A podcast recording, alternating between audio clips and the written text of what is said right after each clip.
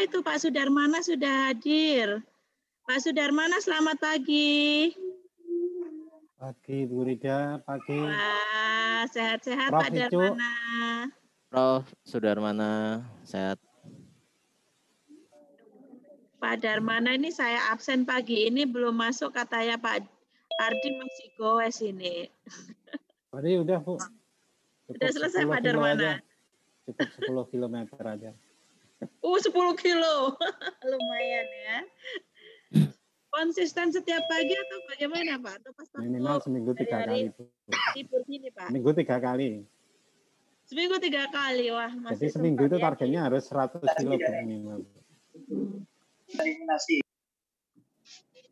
Luar biasa Pak. Bersama-sama atau ini Pak, sendirian Pak kalau gue Pak? Ya kadang-kadang kalau ada lewat perumahan ada yang ikut ya. Karena Jadi walaupun sendirian nggak sendirian tetap iya. goes ya Pak ya. Nah, Oke, sehat selalu Pak Darmana. Eh, itu yang Mojokerto gimana Bu? Yang Mojokerto ya, gimana? ini sudah clear Pak, sudah jalan. Teman saya banyak yang jadi pejabat di sana di Pemkot. Wah, baik Pak, kita akan approach. Oke, lanjut, lanjut Bu Rida. Oke, baik. Udah Pagi jam ini. lim, apa kurang lima menit. Ya, betul. Silakan. Eh, Bu Dewi, eh, kita sambil nunggu jam 9 tepat, monggo.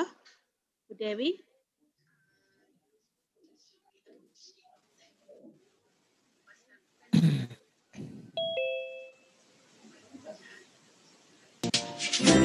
Terus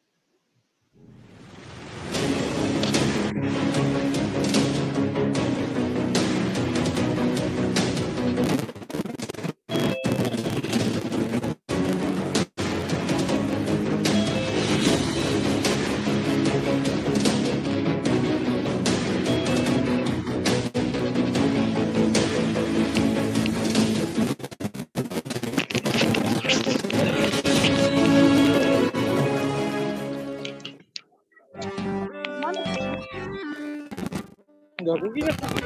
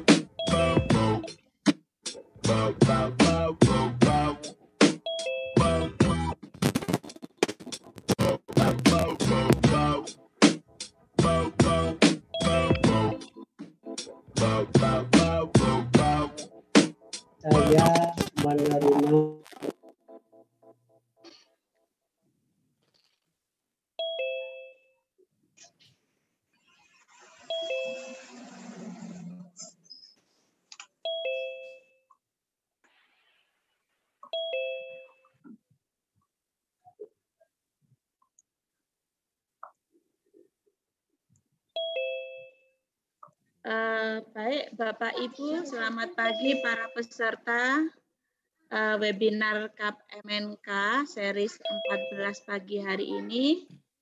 Eh, selamat datang, selamat bergabung di acara webinar KAP MNK dengan topik eh, harmonisasi sistem sebentar maaf, maaf. Harmonisasi sistem tata kelola dan kinerja BUMD pagi ini ada narasumber kita, hebat kita pagi ini yaitu Bapak Dr. Icu Rangga Bawono SE SH MSI MH AK CP- C- CA ASEAN CPA IAP ACPA. Nah, beliau adalah seorang dosen Fakultas Ekonomi dan Bisnis Unsud Purwokerto. Beliau juga sebagai Ketua Dewan Pengawas Perumda Taman Rekreasi Marga Satwa Seruling Mas Kabupaten Banjarnegara. Pagi ini juga ada Ibu moderator kita pagi ini yaitu Ibu Justina Hiola SEAK MSA CPA ACPA. Beliau adalah seorang dosen dari Universitas Muhammadiyah Gorontalo dan auditor KAP MNK dan Pagi ini kita akan bersama-sama eh, mendengarkan eh, apa yang oleh narasumber hebat kita pagi ini. Akan tetapi sebelum eh, kami masuk ke acara inti yaitu ke acara paparan yang akan disampaikan oleh Dr. Icu, terlebih dahulu acara ini akan dibuka oleh Bapak pimpinan KAP MNK yaitu Bapak Muhammad Mason, SE MSI, CA, CPE, CFRA. Beliau adalah pimpinan KAP yang mempunyai banyak sekali prestasi ya. Eh, Tidak usah berlama-lama, mungkin sebelum acara dibuka oleh Bapak Mason, saya sedikit menyampaikan bahwa peserta webinar pagi hari ini updating ada 573 peserta, Bapak. Di sini 573 peserta ada yang melalui Zoom, Alhamdulillah partisipan yang sudah masuk sebanyak 200, ini insya Allah terus bergerak. Nah nanti eh, ada juga peserta yang melalui YouTube gitu Pak sisanya. Jadi eh, updating pagi ini di angka 573 dengan banyak sekali peserta dari PNS BUMN, yaitu dari rekan-rekan kita di inspektorat, di universitas, juga banyak yang dari eh, KJA, KAP, ada beberapa juga yang dari pelajar gitu ya, wira swasta dan sebagainya. Baik Pak Masun, agar tidak berlama-lama, ini paparan materi yang disampaikan pagi ini sangat menarik gitu ya dari Pak Icu, mohon acara pagi ini silakan dibuka. Monggo Pak Masun, dipersilahkan. Baik, terima kasih Bu Rida. Ibu, Bapak, rekan-rekan semuanya, selamat pagi. Assalamualaikum warahmatullahi wabarakatuh. Waalaikumsalam warahmatullahi wabarakatuh. Salam warahmatullahi wabarakatuh.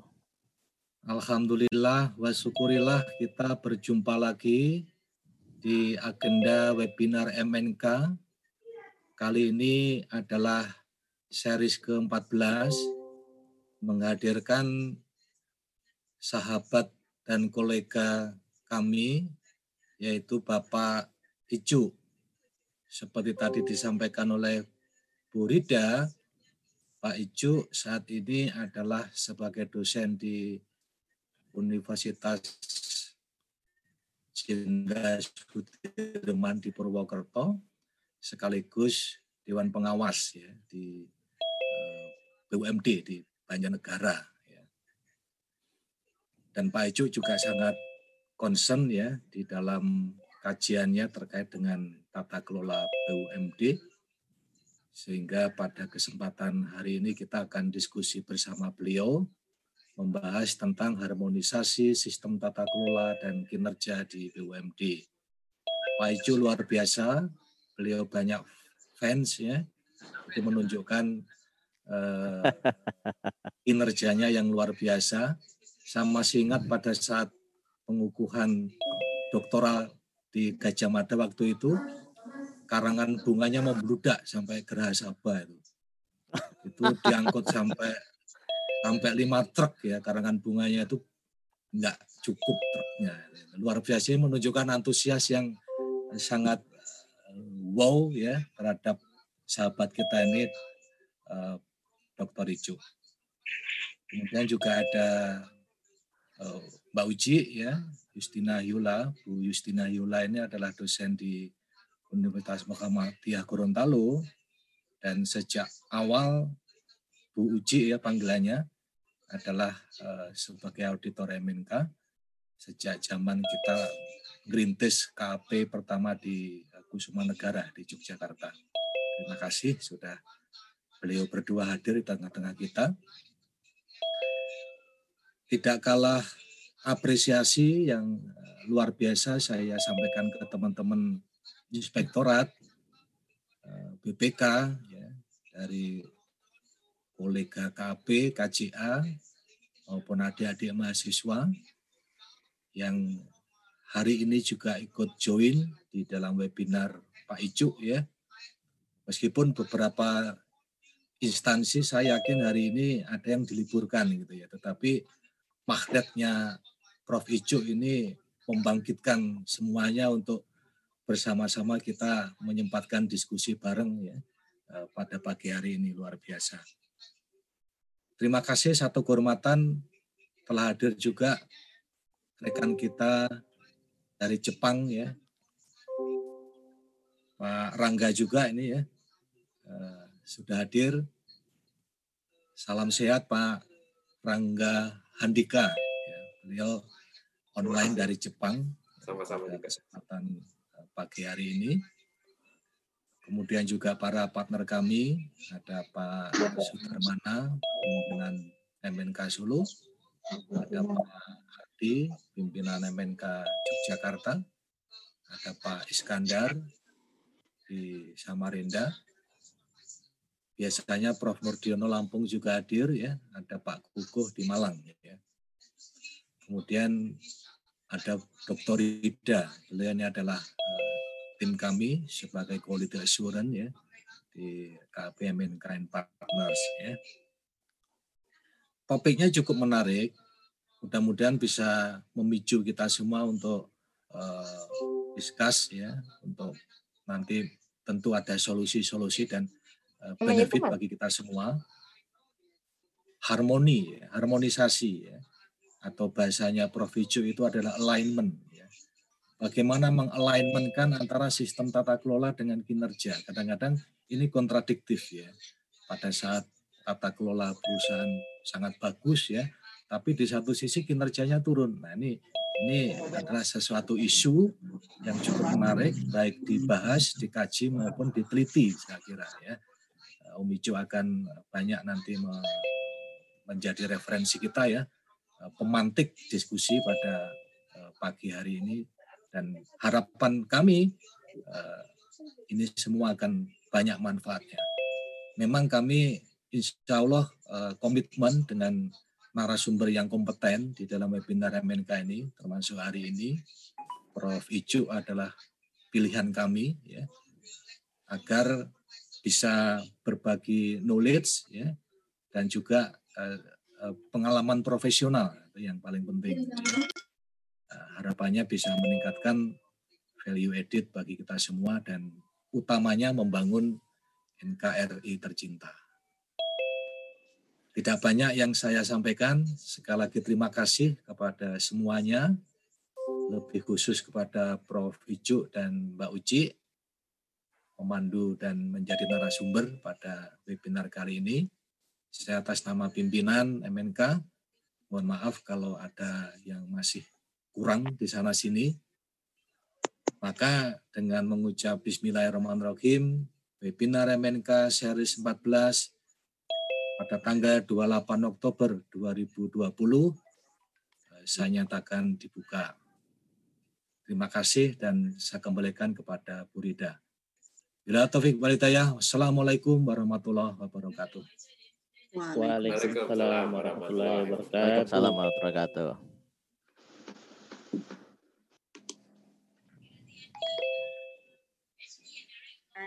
acara pagi ini kita langsung aja acara berikutnya kami serahkan kepada Ibu Justina Yola, Ibu moderator kita untuk melanjutkan pada sesi inti kita pagi ini untuk mendengarkan bersama-sama paparan dari Bapak Icu Rangga Bawono. Silakan Bu Justina terima kasih Bu. Oke. Assalamualaikum warahmatullahi wabarakatuh. Waalaikumsalam. Waalaikumsalam warahmatullahi wabarakatuh. Alhamdulillah, alhamdulillahirabbil alamin. Assalatu wassalamu ala anbiya'i wal mursalin. Sayyidina wa maulana wa ala alihi wa ashabi ajmain amma ba'd. Alhamdulillah hari ini kita akan sama-sama mendengarkan pemaparan dari uh, kandidat profesor begitu ya Pak Icu ya. Kandidat profesor Pak Amin. Rangga Bawono yang titel di belakangnya ini Ali SH SE MSI MHAK CA ASEAN CPA CTPA eh, CTA CTAP sama ACPA. Rajin sekali Bapak sekolahnya ya. Iya, kalau dosen katanya harus begitu, menambah ilmu terus. Mantap Pak. Nah, sedikit saya bacakan uh, CV dari Pak Dr. Dr. Icu Rangga Bawono. Beliau adalah staf pengajar pada Fakultas Ekonomi dan Bisnis Universitas Jenderal Sudirman Purwokerto. Meraih gelar sarjana ekonomi jurusan akuntansi dari Universitas Jenderal Sudirman, secara bersamaan juga uh, meraih sarjana hukum dari universitas yang sama Magister Sains Akuntansi beliau beliau dapatkan dari Universitas Gajah Mada, Magister Hukum dari Universitas Jenderal Sudirman dan program doktoral beliau pada Universitas Gajah Mada Jogja.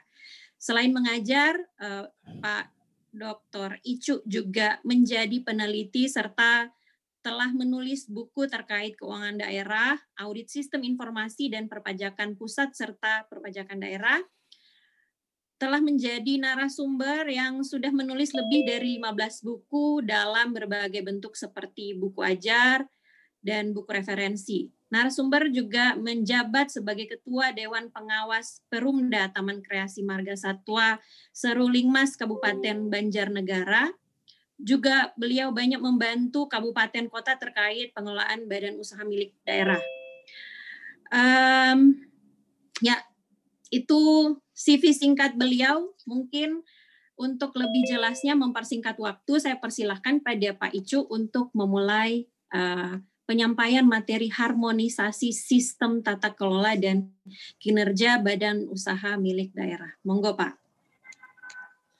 Terima kasih Bu Uci selaku moderator, uh, Bapak kandidat dokter Muhammad Mahsun, uh, rekan kolega lama saya selaku partner dari MNK, Pak Dr. Nurdiono, Dr. Kukuh, uh, selaku partner, Ibu uh, Rida, Dr. Rida Perwita, selaku managing di KAP uh, Mas MNK, uh, Bu Uci, Bapak Ibu sekalian yang saya hormati, rekan kolega kami di pemerintah daerah, uh, akademisi uh, dan uh, yang tidak dapat saya sebutkan satu persatu. Di sini juga ada mahasiswa dari Unsut, dari Gorontalo, dari uh, Tasikmalaya, juga banyak yang juga Pak Randa Handika dari Jepang langsung uh, menyimak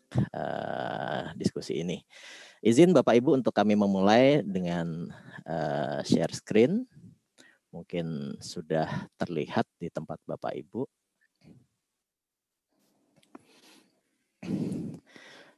Kalau sudah terlihat kami mulai Bapak Ibu. Uh, terkait dengan topik hari ini adalah terkait dengan harmonisasi sistem tata kelola dan kinerja badan usaha milik daerah. Uh, Bapak Ibu sekalian yang saya hormati, badan usaha milik daerah ini memang boleh dibilang uh, sangat seksi Bapak Ibu. Sangat seksinya adalah BUMD juga berperan selain memberikan pelayanan kepada masyarakat juga BUMD berperan untuk sebagai uh, revenue generating unit dari uh, pemerintah daerah. Hanya saja memang tadi Pak Masun sudah sampaikan uh, perlunya ada harmonisasi sistem tata kelola dan kinerja karena kadang-kadang sistem tata kelolanya baik, kinerjanya kurang baik. Tetapi yang pasti adalah kalau tata kelolanya kurang baik, kinerjanya dipastikan kurang baik. Nah ini dia. Uh, tidak ada yang kemudian tata kelolanya kurang baik, kemudian uh, kinerjanya uh, baik itu sangat jarang sekali, sangat sangat jarang. Itu special case lah, special case satu dua. Tetapi kalau harmonisasinya baik, uh, sorry, uh, tata kelolanya baik, uh, masih terkadang ada kinerja yang kurang baik. Sehingga uh, MNK hari ini uh, mengundang kami Pak Masun pertama kali menelpon Pak Icuk mau sedekah amal, sedekah ilmu. Alhamdulillah eh, memang sedekah ini harus di ya kalau bahasa kami kutip-kutip harus dikejar, dijebak Bapak Ibu. Ketika ada penawaran ini kami tidak uh, lagi untuk uh, menawar bahkan tidak lagi untuk uh, menolak. Langsung saya terima. Karena uh, ilmu yang berguna harapannya bisa menjadi uh, apa namanya uh, menghasilkan pahala juga untuk Bapak Ibu sebagai pendengar dan terutama kepada kami. Kami langsung mulai Bapak Ibu uh, terkait dengan BUMD terlebih dahulu. BUMD ini definisinya uh, adalah badan usaha yang seluruh atau sebagian besar modalnya dimiliki oleh daerah. Bapak Ibu melihat PP 54 2017 telah uh, menetapkan dua hal. Pertama, BUMD berbentuk perumda atau berbentuk perseroda, PT perseroda. Hanya saja memang ada beberapa kendala-kendala yang ada di PP 54. Misalnya adalah terkait dengan seluruhnya dimiliki oleh daerah. Artinya apa? Ketika PT Perseroda didirikan, kemungkinan kemungkinan adalah daerah menginterpretasikan bisa 100% sahamnya dimiliki oleh daerah. Sementara Undang-Undang PT kita, Undang-Undang 40, belum merestui hal tersebut. Yang boleh menjadi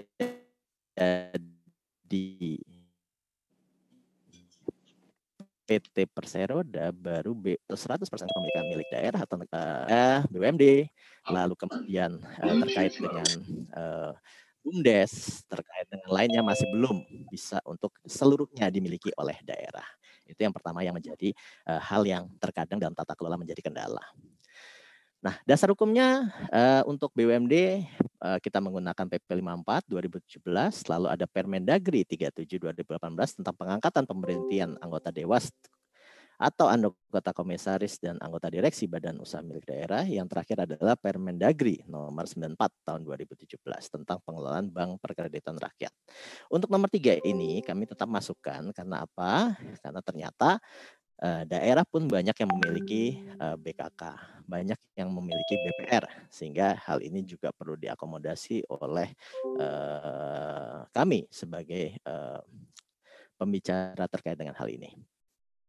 Nah, ini adalah uh, BUMD, Bapak Ibu. BUMD ini terdiri atas yang pertama perusahaan umum daerah atau perumda, yang seluruh modalnya dimiliki satu daerah, tidak terbagi atas saham, ada PT Perseroda yang terbagi atas saham seluruhnya atau paling sedikit 51% dimiliki oleh satu daerah. Nah ini dia.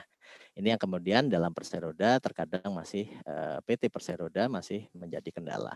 Tapi nggak apa-apa Bapak Ibu ini juga uh, apa namanya uh, apa namanya masih tetap bisa untuk dijalankan sepanjang memang PT Perserodanya masih eh, apa namanya eh, dimiliki oleh eh, dua daerah. Sebagai contoh, eh, satu BPR di eh, PT Perseroda di, eh, Jawa Tengah di Kabupaten Wonosobo dimiliki oleh satu persennya oleh BUMD. Nah, alasan keberadaan BUMD Uh, ini yang uh, apa namanya? Pertama ada alasan ekonomis terkait dengan public service, profit motif. Ada alasan strategis, memang daerah itu memiliki sumber daya yang memang harus dioptimalkan. Sebagai contoh Kabupaten Banjarnegara punya tambang sehingga punya perumda tambang ada di uh, Ponorogo uh, Probolinggo mohon maaf Probolinggo dia memiliki uh, apa namanya pelabuhan lalu dikelola oleh uh, BUMD pelabuhan. Nah ini uh, bisa menjadi alasan strategis. Ada alasan politis. Alasan politis ini biasanya jarang dikemukakan secara formal tetapi biasanya untuk mendukung uh, politik dari pemerintah daerah macam-macam bentuknya tetapi sepanjang itu tidak merugikan daerah itu malah menjadi hal yang positif yang bisa dilakukan Berikutnya adalah terkait dengan alasan uh, budget. Nah, ini alasan budget ini uh, perlu adanya pendapatan lain di luar pajak, alokasi dana yang nantinya akan uh, mendukung kepada PAD. Nah, ini dia yang saya mau lanjutkan ke slide 6. Uh, slide 7, maaf, slide 7.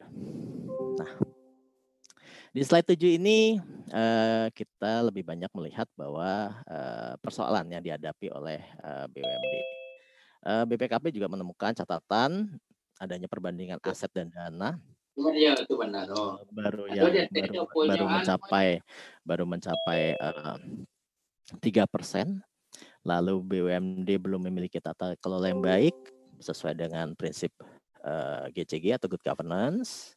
Lalu prinsip pengelolaan BUMD masih terkontaminasi dengan sistem birokrasi. Nah, ini yang yang yang perlu untuk kemudian mulai sedikit dibatasi. Nah, ini biasanya peran kepala daerah.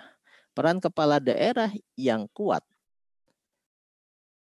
akan menghindari adanya sistem birokrasi terlalu besar mencampuri terhadap BUMD. Nah, ini dia. Kepala daerah yang kuat. Saya kasih contoh satu, Eh, Kabupaten Banjarnegara, kepala daerah berkomitmen full terhadap yang namanya uh, kemajuan BUMD. Beliau tidak pernah mengintervensi dari uh, apa semua kebijakan semua ya uh, tidak semua jadi artinya kebijakan yang sifatnya non strategis terhadap sistem birokrasi. Jadi ini saya kasih contoh uh, kebetulan saya dapat kabupaten yang memang uh, cukup baik tidak tidak uh, mengintervensi terlalu dalam Operasi BUMD yang umumnya belum efisien. Ini sering terjadi Bapak Ibu. Sering terjadi. Sering terjadi kenapa? Karena memang ada yang beberapa daerah yang menganggap bahwa operasional BUMD ini masih kemudian dikaitkan dengan pengeluaran-pengeluaran yang sifatnya tidak efisien. Sering sekali terjadi. Kemudian berikutnya perang ganda BUMD dalam domain publik dan privat Nah, ini biasanya terjadi pada PDAM. Nah, PDAM misalnya, PDAM kemudian dalam sisi publiknya melayani, dari sisi privatnya menghasilkan keuntungan bagi pemerintah daerah. Sehingga kinerjanya menjadi kurang optimal. Oke, saya lanjutkan berikutnya terkait dengan uh, tata kelola. Nah, ini di sini sudah ada sedikit tentang tata kelola BUMD, Bapak Ibu. Tata kelola ini terkait dengan uh, sistem pengelolaan yang menghasilkan atau mengarahkan mengendalikan perusahaan uh, menghasilkan kemanfaatan ekonomi yang bersimbang, berkesinambungan dan berkeseimbangan hubungan antara uh, stakeholder. Nah, sedangkan prinsip penerapan GCG-nya itu adalah dimulai dari transparansi, accountability, responsibility, independency, dan fairness. Nah, kalau ini saya tidak perlu menyebutkan uh, menjelaskan satu persatu, tetapi intinya adalah ini merupakan prinsip penerapan uh, tata kelola perusahaan yang baik. Berikutnya adalah terkait dengan tujuan tata kelola perusahaan. Nah, tujuannya yang pertama jelas mencapai tujuan dari BUMD. BUMD ini tujuannya apa sih untuk didirikan? Mengoptimalkan nilai atau value dari BUMD baik secara nasional, internasional, bisa jadi juga uh, secara daerah memiliki daya saing yang kuat efisien, profesional, efektif, memberdayakan fungsi dan meningkatkan organ kemandirian BUMD, lalu mendorong organ BUMD membuat keputusan atau menjala, uh, melakukan tindakan dilandasi moral yang tinggi. Nah, ini moral yang tinggi Bapak Ibu ini juga perlu adanya koordinasi antara dewan pengawas dengan direktur. Jadi Dewan pengawas dan direktur hubungannya harus tidak baik-baik saja, tetapi harus hubungannya sempurna Bapak Ibu. Jadi bukan tidak baik-baik saja. Jadi kalau cuma hubungannya baik-baik saja uh, menurut kami masih kurang. Hubungannya harus sempurna. Bahkan komunikasinya dilakukan tidak hanya pada jam kerja tapi 24 jam. Sebagai contoh, sebagai tindakan, kebijakan, keputusan itu harus uh, baiknya dikonsultasikan antara direktur dengan uh, dewan pengawas. Nah, hubungan yang harmonis inilah biasanya yang nanti kemudian akan uh, mengoptimalkan dari kinerja BUMD sendiri. Berikutnya meningkatkan kontribusi dalam perekonomian daerah dan nasional, lalu iklim investasi sehingga banyak BUMD yang sifatnya kemudian sudah mengarah ke investasi Sedangkan corporate governance-nya kita melihat mungkin Bapak Ibu yang akademisi sudah ada dua hal. Yang pertama ada stewardship theory dan agency theory. Kalau stewardship theory itu pada hakikatnya manusia ini bisa dipercaya, mampu bertindak dengan penuh tanggung jawab, memiliki integritas dan kejujuran terhadap pihak lain. Ini yang kita inginkan. Yang kedua adalah agency theory. Nah, ini biasanya kemudian melihat bahwa adanya pemisahan terhadap kepemilikan dan pengelolaan ini kemudian menghasilkan agency problem. Lah, agency problem inilah yang kemudian biasanya Bapak Ibu menjabatani dengan audit. Nah, ini agency problem. Ada beberapa BUMD yang kemudian belum diaudit oleh eh, BPK atau belum diaudit oleh auditor yang bekerja untuk dan atas nama BPK. Ini kemudian harus menjadi uh, perhatian utama. Karena apa? Karena adanya agency problem pasti. Nah, ini yang kemudian harus Bapak Ibu sadari bahwa agency problem salah satunya adalah dengan audit. Itu dia yang perlu harus Bapak Ibu uh, saya sampaikan kepada Bapak Ibu. Ini saya tidak promosi KAP MNK ya, tetapi memang uh, teori mengatakan bahwa agency teori yang menghasilkan agency problem itu harus salah satunya adalah dengan audit. Hubungan corporate governance dan corporate management. Nah, ini kita melihat di sini adanya komitmen tadi transparansi akuntabilitas ini menurut Muryanto tata kelola BUMD Nah, ini transparansi di sini Bapak Ibu akuntabilitas, responsibilitas kepada corporate governance dalam arti luas dan ini ada dalam arti sempit. Dalam arti luasnya bisa kita lihat di sini terkait dengan Eh, kreditur, pemerintah, pemasok, pelanggan, kelompok lainnya. Tetapi dalam arti sempit di sini terkait dengan RPS, komisaris direksi. Oleh karena itu nanti kita lihat uh, tata kelola yang ada di eh, BUMD. Nah, ini tata kelola yang ideal, uh, Bapak Ibu. Yang pertama memperhatikan terhadap pemilik, memenuhi kepentingan juga di luar pemilik modal, tapi juga tidak mengabaikan manajer atau pengelola. Lalu pemerintah daerah menentukan prioritas utama pendidikan BUMD, penyelenggaraan kemasy penyelenggaraan kemanfaatan, hajat hidup masyarakat, memberikan manfaat pada perekonomian daerah dan mencari laba atau keuntungan. Ini uh, yang ideal seperti itu, Bapak Ibu. Nah, ini dia struktur tata kelola pada uh, perusahaan atau BUMD. Nah, yang pertama adalah kalau dia bentuknya adalah perumda, uh, bentuknya adalah uh, Perumda, ini ada KPM-nya Bapak Ibu, Dewan Pengawas, Direksi, Satuan eh, Pengawas Internal, Komite Audit. Sedangkan kalau bentuknya adalah PT Perseroda, di sini ada RUPS, Komisaris, ada Direksi, Satuan Pengawas Internal, eh, dan Komite Audit. Berikutnya adalah terkait dengan kepala daerah sendiri. Nah, ini kepala daerah ini saya uh, khususkan, saya khususkan, saya tuangkan khusus karena semua kebijakan kepala daerah akan mencerminkan B, bagaimana BUMD-nya. Nah, ini kepala daerah selaku pemilik modal pada perusahaan umum daerah atau pemegang saham pada perusahaan perseroan daerah mempunyai kewenangan mengambil keputusan. Sekali lagi Bapak Ibu, kewenangan mengambil keputusan. Oleh karena itu, baik komisaris maupun dewan pengawas dipastikan merupakan wakil dari kepala daerah. Sehingga kalau misalnya ada BUMD yang kepala, eh, yang dewan pengawasnya atau komisarisnya tidak pernah rapat. Nah, tidak pernah rapat minimal empat kali kalau di uh, apa uh, di uh, lembaga keuangan nah, minimal empat kali. Uh, atau tidak ada risalah rapatnya, tidak ada laporan akhir tahun yang dikeluarkan oleh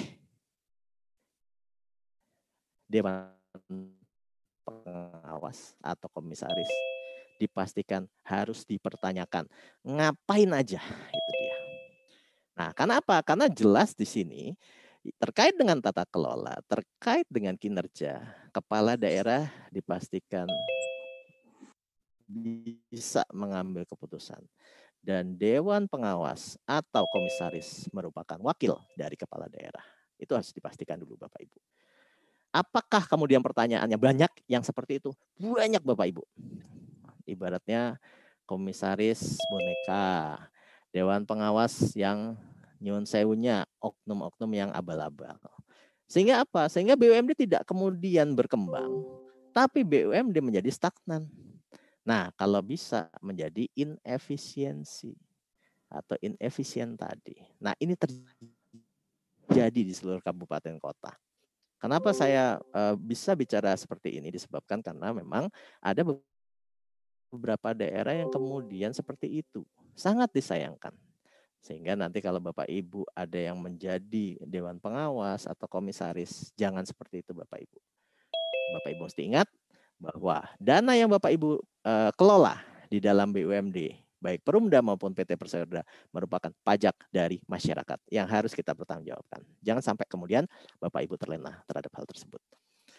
Nah, ini adalah Dewan Pengawas atau Komisaris melakukan pengawasan terhadap perusahaan daerah tadi baik Perumda maupun PT Perseroda mengawasi dan memberi nasihat kepada direksi dalam menjalankan pengurusan Artinya apa? Boleh mengawasi, boleh ngasih nasihat Bapak Ibu.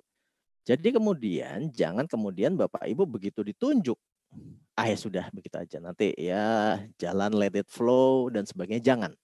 Karena apa? Karena Bapak Ibu harus memberikan nasihat terkait kebijakan-kebijakan strategis yang ada di dalam pemerintah daerah.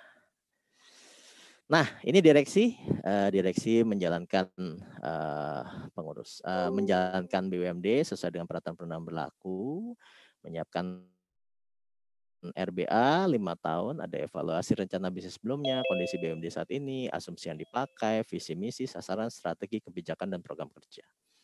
Ada SOP.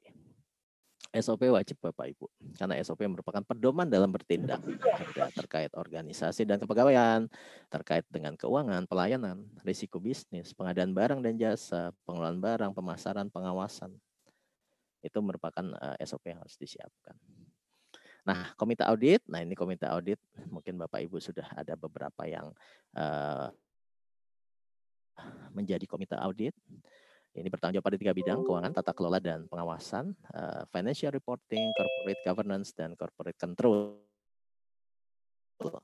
Nah, kalau di tata kelola internal ini ada komite audit yang efektif, harapannya memberikan sumbangan terhadap kinerja BUMD, perbaikan kondisi keuangan dan perekonomian eh, ekonomi BUMD, menghindari krisis, mencegah kegagalan maupun masalah serius di masa mendatang. Nah, ini yang perlu menjadi perhatian.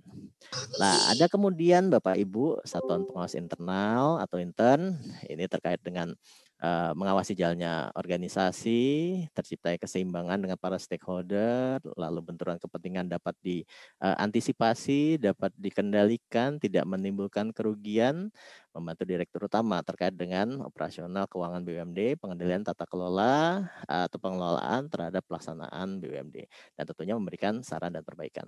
Hanya saja memang Bapak Ibu, SPI dan uh, komite audit ini untuk beberapa BUMD yang sifatnya masih uh, masih kecil, masih belum uh, besar, kompleksitasnya masih belum uh, apa namanya uh, kompleksitasnya masih belum besar, itu memang kadang-kadang masih belum ada. Dan itu perlu uh, uh, perlu kita sadari, perlu kita sadari, perlu kita sadari terhadap hal tersebut.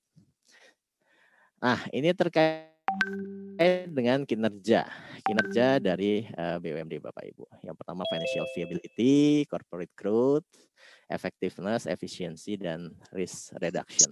Nah, dalam kondisi seperti ini biasanya risk ini uh, cukup besar sehingga memang kita harus mengantisipasi, harus kemudian mengawasi hal-hal terkait dengan uh, yang ada di dalam uh, organisasi atau dalam uh, BUMD tersebut.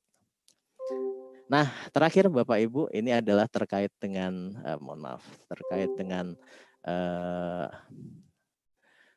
kinerja BUMD. Nah, ini kinerja BUMD Bapak Ibu mesti melihat bahwa uh, semuanya dipengaruhi oleh peraturan dan kebijakan yang nomor satu. Peraturan dan kebijakan yang baik tentunya akan membuat kinerja BUMD menjadi optimal. Harapannya seperti itu. Lalu di sini juga ada KPM, Komite Audit, SPI, Direksi, dan Dewan Pengawas yang bekerja secara simultan untuk bisa meningkatkan kinerja BUMD. Bapak Ibu sekalian, memang kinerja BUMD beberapa banyak yang masih uh, diragukan. Tetapi tentunya bukan berarti tidak bisa diperbaiki Bapak Ibu. Semuanya bisa untuk diperbaiki.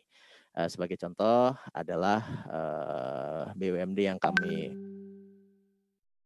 uh, sebagai Dewan Pengawas, ketika dipegang oleh dinas uh, kinerjanya biasa ketika uh, dipegang oleh apa namanya kami sebagai ketua dewan pengawas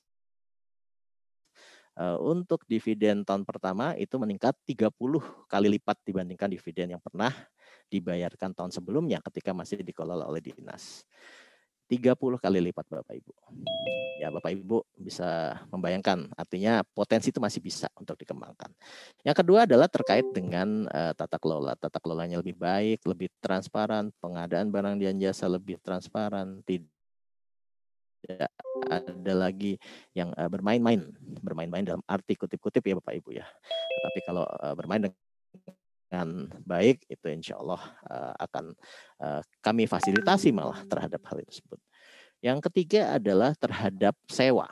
Jadi tidak hanya dividen yang diberikan oleh BUMD yang pernah kami kelola, tetapi juga terkait dengan sewa. Jadi sewa itu juga uh, kami berikan kepada Pemda. Jadi uh, insya Allah uh, masih bisa terbu terbuka lebar terkait dengan uh, pengelolaan dan kinerja uh, terhadap BUMD yang baik.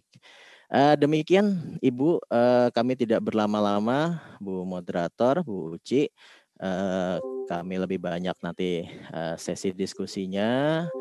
Semoga nanti bisa uh, kita berdiskusi, Bapak Ibu memuaskan uh, jawabannya. Kalau belum memuaskan, nanti kita bisa diskusikan di luar. Demikian, kami kembalikan kepada Bu Uci selaku moderator. Terima kasih. Assalamualaikum warahmatullahi wabarakatuh. Waalaikumsalam warahmatullahi wabarakatuh. Terima kasih banyak pemaparannya Pak Icu. Ya. Uh, Alhamdulillah uh, akhirnya kita sedikit tercerahkan mengenai harmonisasi tata kelola dan uh, kinerja perusahaan uh, badan usaha milik daerah. Nah, sedikit ini saya mau menyampaikan pada pemirsa baik yang mengikuti via uh, Zoom dan di YouTube, teman-teman semua bisa, Bapak Ibu sekalian bisa mengetikkan pertanyaan yang sekiranya uh, bisa untuk didiskusikan atau ingin ditanyakan pada narasumber kita hari ini. Nah, sebelum dan sambil menunggu pertanyaan diketikkan, saya mau bertanya nih Pak Icu, boleh nggak? Mau nggak mau? Boleh, silakan, silakan Ibu, silakan. Ya, boleh tadi Bu. kan Pak Icu silakan. ada banyak ada banyak menjelaskan soal uh, uh, perumda sama perusahaan perseroan daerah. Nah, berarti ada dong BUMD ini ya. bisa nanti uh, kalau misalnya tata kelola perusahaannya baik, kinerjanya baik, berarti bisa ada kemungkinan untuk menjual kepemilikannya di Bursa Efek Indonesia. Bisa nggak? Ada nggak kayak gitu, Pak? Mau nggak mau? Ya, terima kasih, terima kasih, Bu. Uh, yang pertama kita harus lihat uh, bentuknya biasanya kalau sudah masuk bursa itu adalah uh, PT ya Bu ya bentuknya PT. Lalu memang uh, sahamnya memang akan dimiliki oleh uh, oleh masyarakat dan akan dilepas ke bursa. Tidak ada uh, hambatan untuk melakukan itu, tidak ada hambatan. Sepanjang memang aturan di bursa dipatuhi segala uh, uh, rekomendasi dari OJK mungkin kalau misalnya bentuknya adalah uh, uh, lembaga keuangan, tetapi kalau misalnya uh, terkait dengan bentuknya non lembaga keuangan mungkin bentuknya uh, harus PT Bu sehingga nanti bisa untuk apa namanya listing di bursa efek. Hanya saja perlu diperhatikan biasanya untuk listing di bursa efek pun persyaratannya tidak mudah baik secara modal, keuntungan, kinerja dan itu memang harus dipersiapkan, harus dipersiapkan. Tidak bisa dalam satu tahun dua tahun itu tidak bisa. Jadi memang harus dipersiapkan uh, dari jauh jauh hari terkait dengan hal tersebut. Jadi tidak ada yang tidak mungkin, tidak ada yang tidak bisa untuk kita laksanakan, semuanya bisa insya Allah uh, sepanjang memang uh, pada uh, apa namanya kemampuan daerah atau kemampuan uh, BUMD bisa uh, mencapai atau memenuhi persyaratan yang ditetapkan. Begitu, Ibu. Ya, terima kasih Pak Icu.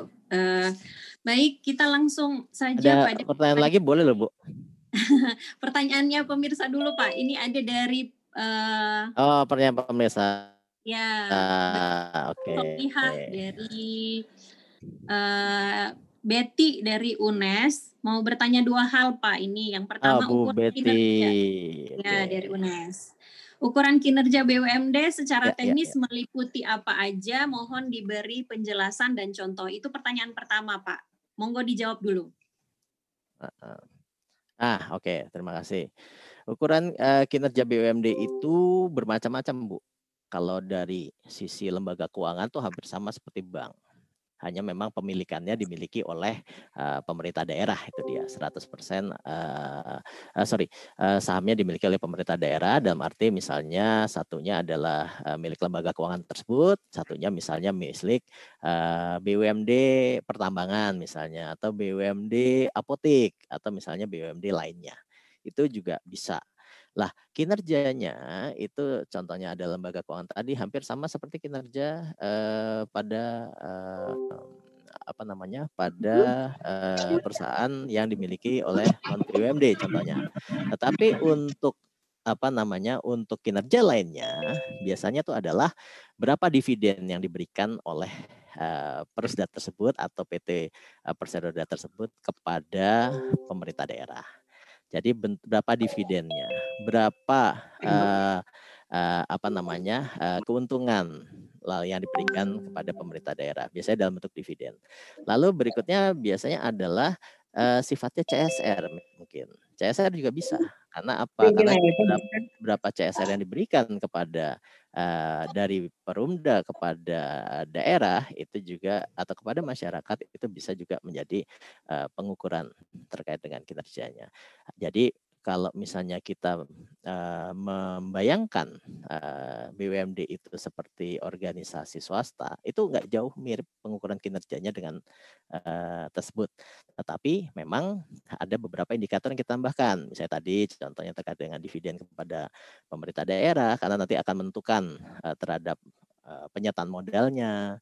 Lalu contohnya misalnya kalau PDAM terkait berapa pelayanan yang sudah diberikan kepada masyarakat, satuan sambungannya berapa, dividennya berapa, bagaimana pengelolaannya. Nah, itu contoh pengukuran kinerja yang lain yang uh, khusus uh, unik lah ada di uh, BUMD tertentu. Begitu, Bu.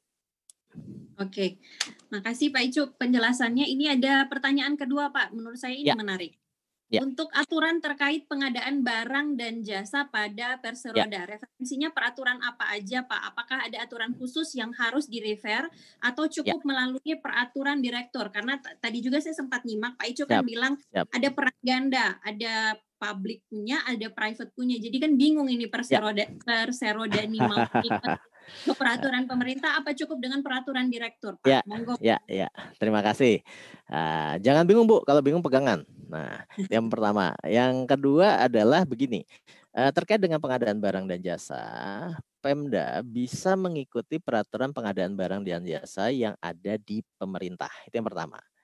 Biasanya pengadaan barang dan jasa yang ada di perintah uh, di pemerintah akan dituangkan kembali dalam bentuk perda atau kalau perda terlalu berat, biasanya dituangkan dalam perkada, peraturan kepala daerah. Contoh misalnya di Kabupaten Banjarnegara, itu pengadaan barang jasanya mengikuti pemerintah pusat. Hanya saja kemudian dituangkan dalam perbub. Nah, perbub terkait pengadaan barang dan jasa. Ada seperti itu. Kalau dituangkan dalam peraturan direktur, sependek pengetahuan kami bisa saja, hanya saja kekuatan hukumnya nanti akan berbeda-beda masing-masing BUMD Padahal BUMD itu harusnya mempunyai peraturan pengadaan barang dan jasa yang sama. Nah, buatlah perkada, perbub paling enggak, atau uh, pergub atau misalnya uh, peraturan tersebut yang kemudian nanti bisa digunakan oleh seluruh BUMD. Jadi tidak hanya nanti misalnya contohnya pengadaan barang di BUMD uh, PDAM ini begini begini begini. Ternyata berbeda dengan yang ada di BUMD tambang, percetakan, uh, misalnya BUMD aneka usaha. Nah, ini beda nanti. Nah, baiknya harmoniskan dalam perkada kemudian diaplikasikan oleh semua BUMD. Gitu, Bu. Oke. Jadi uh, itu ya. Jadi ada peraturannya berlapis-lapis juga ya, Pak ya. Karena ya. Tidak hanya kue lapis saja Bu yang enak. Ternyata peraturan juga enak Bu karena berlapis Peraturan juga berlapis-lapis. Oke lanjut Pak. Ini ada dari Ibu Siti Badriah. Jangan-jangan penyanyi nih Ibu Siti Badriah. Waduh, ini kok banyak penyanyi ini nih kelihatannya. Iya. nih ada pertanyaannya nih agak uh, bagus juga nih Pak. Jika oh, BUMD dijadikan sapi perah atau Wah. dipas oleh oknum politisi yang juga penguasa mm daerah tersebut. Mm. Nah, ini biasanya nih sering terjadi juga ya, Pak ya. Apa yang bisa dilakukan oleh dewan dewan pengawas? Apakah setelah terkumpul dua alat bukti atau lebih langsung dilaporkan ke KPK atau ke Kejaksaan Tinggi? Aduh. Monggo kita, Pak, ini agak ya, sulit gitu. Wah, ya. nggak nggak sulit Bu, itu gampang. Oh, Pertanyaan sangat gampang sekali. Nggak nggak nggak nggak susah itu, gampang. Gampangnya kenapa? Uh, sensitif enggak? Saya nanti akan gamblangkan saja semuanya. Ibu tadi menyatakan bahwa yang mensapi perahkan adalah langsung parpol atau kepala iya. daerah. Nah, langsung kepala daerah ya, berarti dalam ini kepala daerah yang kemudian bermain. Begini, Bapak Ibu, ketika dewan pengawas diangkat, yang angkat secara UKK, secara UKK ya Bu, secara ujian kompetensi itu dalam Permendagri 37 disebutkan jelas karena kemampuannya. Yang kedua, ada wawancara dengan pemerintah eh, dengan kepala daerah selaku pemegang saham. Jadi kesimpulannya pasti ketua dewan pengawas atau dewan pengawas atau direktur mengetahui apa yang diinginkan oleh kepala daerah. Itu dulu yang pertama. Sehingga tidak perlu ibu menggunakan dua alat bukti dan sebagainya. Karena apa? Bisa jadi nanti itu bahkan keluarnya dari aduan masyarakat. Tetapi bagaimana caranya supaya Bapak Ibu ketika mendapat diskresi itu bisa melindungi dari BUMD terhadap misalnya contohnya pemeriksaan dari kejaksaan. Karena itu bisa aduan, Bu. Jadi jangan jangan kemudian Bapak Ibu melihat bahwa ketika nanti Bapak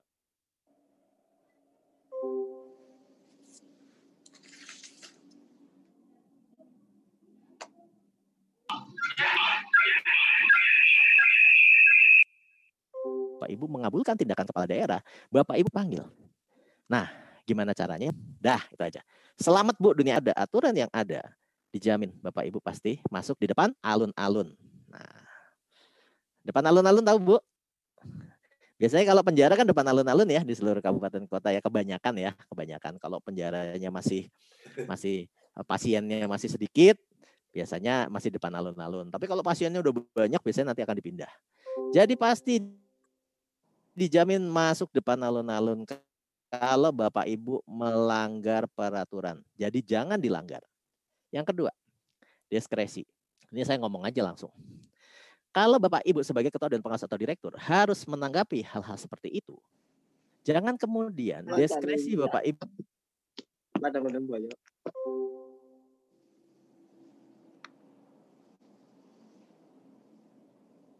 Ibu keluar dari peraturan. Min Bapak. Bapak Ibu salah. Jadi jangan sampai diskresi. Nomor tiga, lihat SOP. Kalau belum punya SOP, Bapak Ibu segera buat SOP-nya. SOP itu adalah merupakan tindak tanduk tata kelola Bapak Ibu ketika men sehingga jangan sampai kemudian SOP-nya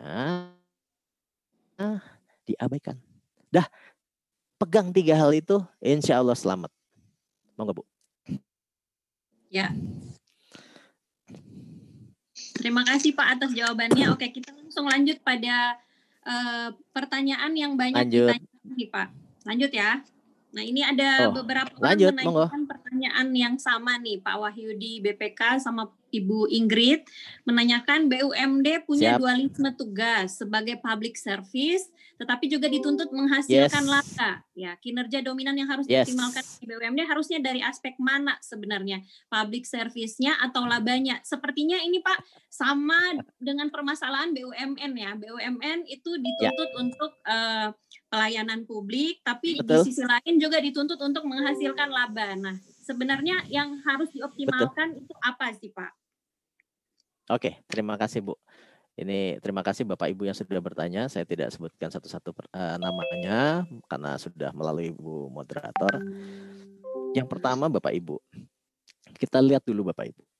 Apakah mereka benar-benar public service murni atau dia merupakan fungsi bisnis? Saya kasih contoh public service murni ya Bapak Ibu ya. Pasar, transportasi, dan terkait dengan pangan. Nah, ini yang sifatnya pelayanan dan itu disebutkan juga dalam PP 54. Sehingga ketika Bapak Ibu nanti memilih bentuknya, disarankan bentuknya adalah perumda. Karena servisnya kira-kira 70%, labanya kira-kira 30%.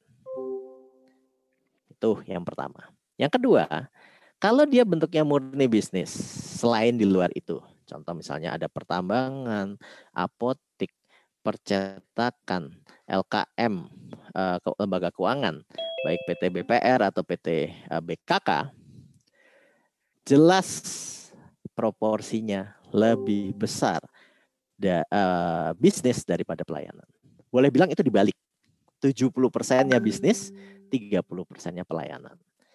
Nah, tinggal bagaimana Bapak Ibu kemudian mengatur ritme permainan.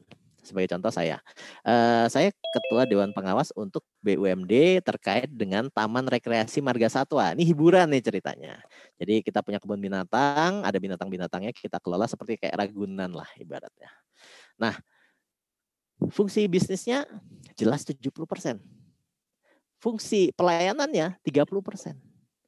Contohnya gimana dengan bisnis? Bisnisnya jelas tiket masuk normal, semuanya ada sehingga bisa menghasilkan dividen, bisa menghasilkan eh, apa namanya penye, eh, eh, apa namanya eh, sewa kepada Pemda. Nah, itu dilakukan. Nah, 30 persennya bagaimana dari pelayanannya? Contoh misalnya fungsi pendidikan, fungsi lembaga konservasi. Itu dua hal itu yang kemudian 30 persen dari punya kita. Contoh lembaga konservasi seperti apa? Ada orang datang punya binatang yang terkait dengan binatang-binatang langka. Contoh elang, Jawa, eh, mungkin dia punya rusa. Kemudian tidak boleh oleh pemerintah harus dimasukkan di LK, lembaga konservasi. Nah, itu fungsi fungsi pelayanan kita. Pelayanannya bagaimana? Dana pakan untuk ternak tersebut kita yang menanggung, Bapak Ibu. Nah, itu yang kemudian kita lakukan. Jadi fungsi terhadap bisnisnya 70%, fungsi terhadap uh, pelayanan 30%. Fungsi pendidikan, kita dirikan uh, bioskop tiga dimensi untuk kemudian masyarakat bisa melihat masalah hewan dan sebagainya, uh, fungsi pendidikan kepada uh, SD, SMP, SMA yang ada di sana. Itu adalah fungsi dari pelayanan. Sehingga uh, ritme itu tinggal disesuaikan dengan uh, bagaimana BUMD itu kemudian tujuannya didirikan. Jadi jangan bingung Bapak Ibu, karena fungsi uh, privat dan publik ini memang kadang-kadang uh, sering membingungkan Bapak Ibu. Tetapi akan tidak bingung ketika Bapak Ibu nanti sudah terjun menjadi ketua dewas atau menjadi anggota dewas atau komisaris. Di situ akan bisa dilihat bagaimana proporsi yang akan dilaksanakan oleh Bapak Ibu. Demikian Bu Uci, monggo. Ya, baik Pak. Berarti eh, ini juga menyambung ada pertanyaan yang paling bawah tuh Pak. Untuk BUMD PDAM, komposisinya mana Pak yang bagus nih? 70% pelayanan eh, dan 30% bisnis atau sebaliknya? Yang idealnya Oke. bagaimana Pak? Oke, oke, oke, oke. Oke, terima kasih. Silakan, PDAM PDAM ini unik Bapak Ibu. Di seluruh kabupaten kota PDAM ini unik. Kenapa? Terkadang PDAM ini malah tidak masuk yang 70% pelayanan. Malah hampir 100% pelayanan. Hampir ya Bapak Ibu, hampir. Dibuktikan apa? PDAM yang untung seluruh Indonesia itu bisa dihitung jari Bapak Ibu. Makanya tadi saya ketawa dulu yang kencang ya. Karena memang problematika PDAM itu berbeda dengan problematika yang lain. Nah, gimana caranya Bapak Ibu untuk kemudian pelan-pelan menaikkan proporsinya dari pelayanan juga menghasilkan laba? Yang pertama, jelas kepala daerah. Jelas kepala daerah. Kepala daerah yang punya visi misi yang eh, eh, visioner dan lebih banyak untuk uh, berpikiran untuk masyarakat, insya Allah bisa merubah itu. Yang kedua, direkturnya biasanya. Direktur ditunjuk oleh direktur, eh, direktur ditunjuk oleh kepala daerah. Jadi jangan salah. Bukan ditunjuk ya, dia UKK dulu, tetapi biasanya kepala daerah sudah mempunyai preferensi ketika nanti melakukan interview. Nah, itu biasanya akan uh, menjadi uh, pertimbangan kedua. Ketiga, tata kelola, SOP, dan jangan lupa audit Bapak Ibu. Mau tidak mau PDAM itu harus diaudit. Sekali lagi saya bukan jualan ke APMNK. Itu untuk menjebatani adanya agency problem. Jadi kalau nanti mau auditnya ke KPMNK ya silahkan aja. Tetapi itu adalah salah satu cara untuk menjembatani adanya agency problem. Tidak diaudit, ketahuan pasti banyak nanti hal-hal yang lucu-lucu lah di sana. Nah, ketika tadi Bapak Ibu bertanya seperti apa, nah itu pelan-pelan bisa dinaikkan dari misalnya 100% pelayanan karena tadi banyak fungsi pelayanannya jadi uh, bangkrut mungkin atau mungkin uh, tidak menghasilkan keuntungan, pelan-pelan dinaikkan menjadi 90% eh, persen pelayanan, 10% terhadap laba daerah atau dividen terhadap sewa. Pelan-pelan mulai dinaikkan. Tapi nggak usah tinggi-tinggi. Ketika Bapak Ibu sudah bisa mencapai 30 persen, itu sudah cukup baik Bapak Ibu. Artinya dia bisa menghasilkan laba buat daerah, tetapi jangan lupa ternyata dia juga bisa uh, tidak hanya uh, oh, ini ada yang sharing screen. tidak hanya melaba, uh, tidak hanya menghasilkan laba untuk daerah tetapi juga fungsi pelayanan terhadap masyarakat. Nggak usah tinggi-tinggi Bapak Ibu. Itu sudah bagus kok, sudah uh, cukup optimal. Mungkin itu Bu. Ya, ya. Ini juga mungkin bentrokan dengan karena kan air juga hajat hidup orang banyak kan Pak ditanggung Betul, oleh negara. Betul, makanya tata iya. kelolanya kalau dikasih ke swasta, tata kelolanya suka dikasih swasta, nanti tarifnya akan tinggi. Sudah pasti. Kalau ya. tadi ini iya. saya lihat nih Pak Mustarudin dari uh, saya kurang tahu ini ada serahkan saja tata kelolanya ke PDM ke pihak swasta. Betul, bisa jadi Pak itu nggak masalah diserahkan ke pihak swasta, tapi siap-siap Pak, tarifnya nanti tinggi banget. Jamin tinggi banget. Sehingga memang fungsinya bisnis seperti itu. Ya, jadi privatisasi oh. BUMD dong Pak ya. Ya, jadi sudah sudah privatisasi nanti. Ya, sedangkan uh, amanat di Permenda uh, di PP 54 untuk PDAM, pasar, transportasi uh, terkait dengan pangan itu uh, bentuknya diarahkan adalah perumda karena memang fungsinya adalah pelayanan begitu. Oke, lanjut ya Pak ke pertanyaan ya. berikutnya. Karena ya. di sini mungkin banyak orang inspektorat ini pertanyaan mewakili teman dari inspektorat ya. ya apa -apa, sejauh boleh. mana sejauh mana kewenangan inspektor melakukan pengawasan atau pembinaan ke Perumda atau BUMD, Pak? Sejauh nah, mana nih? Siap, siap. Terima kasih. Pembina BUMD adalah bagian perekonomian. Biasanya begitu. Bahkan bagian perekonomian sekarang diserahkan tanggung jawab untuk mengelola BLUD. Baru peraturannya. Jadi insya Allah tahun depan Bu Rida kalau mau ngodit BLUD, Bu Rida, bagian perekonomian itu tupoksinya di sana. Ya, Bapak. Jadi baru baru Nah, ini saya ini kan ke Bu Rida. Walaupun BLUD mungkin sudah punya sendiri juga auditornya. Misalnya seperti rumah sakit, BLUD kawasan, eh, puskesmas dan sebagainya. Tetapi sekarang pembinanya ada di bagian perekonomian. Jadi BUMD dan BLUD. Nah, kepada fungsi uh, inspektorat sejauh mana? Nah, ada yang bilang kata inspektorat kalau ada masalah aja. itu yang itu banyak yang mitos yang kemudian berkembang seperti itu gitu. Kalau ada masalah baru inspektorat masuk. Tapi jangan Bapak Ibu. Fungsi inspektorat salah satunya adalah juga melakukan uh, pemeriksaan terhadap uh, eh, BUMD. Ada banyak kejadian kasus yang inspektorat akhirnya masuk. Sehingga kami menyarankan kalau sejauh mana Nah, koordinasikan hal tersebut dengan bagian perekonomian. Apakah inspektorat perlu masuk untuk di bagian tersebut? Perlu masuk tidak hanya ketika sudah terjadi masalah. Jadi jangan sampai masalah berkembang baru inspektorat masuk. Tetapi inspektorat juga harus mempunyai fungsi pembinaan. Sehingga kami tadi menyarankan kepada Bapak Ibu inspektorat koordinasikan dengan bagian perekonomian supaya Bapak Ibu bisa kemudian uh, menjalankan fungsi yang ada di uh, tupoksi Bapak Ibu di inspektorat. Begitu mungkin Bu Uci. Ya. Oke, terima kasih Pak. Mudah-mudahan bisa menjawab pertanyaan dari teman-teman Bapak Ibu ya. dari inspektorat ya. Siap, siap. Lanjut siap. pada pertanyaan berikutnya. Siap. Uh, ya, ini juga banyak pertanyaan serupa. Ya. Kalau BUMD tidak pernah memberikan dividen pada Pemda, terus merugi, ya. Ya, ini, ya, ya. ya uh, apa ya, momong anak yang hanya memberikan rugi, apakah ada ya. aturan BUMD ini harus dilikuidasi atau butuh kajian tertentu? Ini sama juga Pak di Gorontalo ya. ada Oh ada. Uh, BUMD, ada Pak, salah satu BUMD di salah satu kabupaten di Gorontalo. Jadi dia rugi-rugi akhirnya bangkrut, terus asetnya uh. itu sama Pemda bingung mau dibalikan ke Pemda apa mau gimana itu sekarang masih diperkarakan juga Pak di pengadilan. Monggo okay, Pak di okay. Ya. Kita tidak berharap eh, yang pertama ada likuidasi.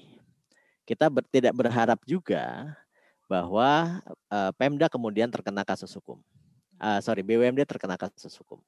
Ada gugatan, pilot dan sebagainya. Kita tidak berharap di situ dulu. Kita berharap bahwa BUMD masih bisa diobatin, masih bisa disuntik, bukan suntik mati ya Bapak Ibu, disuntik. Sehingga uh, harapannya adalah uh, BUMD kemudian mempunyai hal-hal uh, yang perlu diperhatikan. Nah, Inilah fungsi inspektorat bisa masuk. Yang pertama adalah melihat apakah kemudian tata kelolanya sudah baik. Ada beberapa BUMD memang yang kadang-kadang suka mengkhawatirkan, yang benar-benar memang masih membutuhkan eh, apa namanya ya kalau ibaratnya anak kecil itu masih dikasih susu botol lah ibaratnya. Tetapi itu semuanya dimulai ketika Bapak Ibu mengecek tadi, apakah direktur sudah melakukan tindakan yang tepat. Yang kedua, apakah Dewan Pengawas sudah melakukan pengawasan terhadap direktur dan BUMD? Yang apakah kemudian inspektorat sudah melakukan pemeriksaan terkait dengan BUMD terkait? Permasalahannya, duduk permasalahannya apa sih sebenarnya? Apakah pemasarannya, ataukah inefisiensi, ataukah yang lain? Nah, Biasanya yang terjadi adalah yang pertama direkturnya dievaluasi. Kalau perlu diganti. Apabila nanti dewan pengawas ternyata sudah memberikan masukan-masukan dan arahan-arahan. Nah, kalau nggak dijalankan diganti. Dan itu dalam PP 54, Permendagri 37 mekanismenya sudah ada. Bagaimana cara mengganti direktur.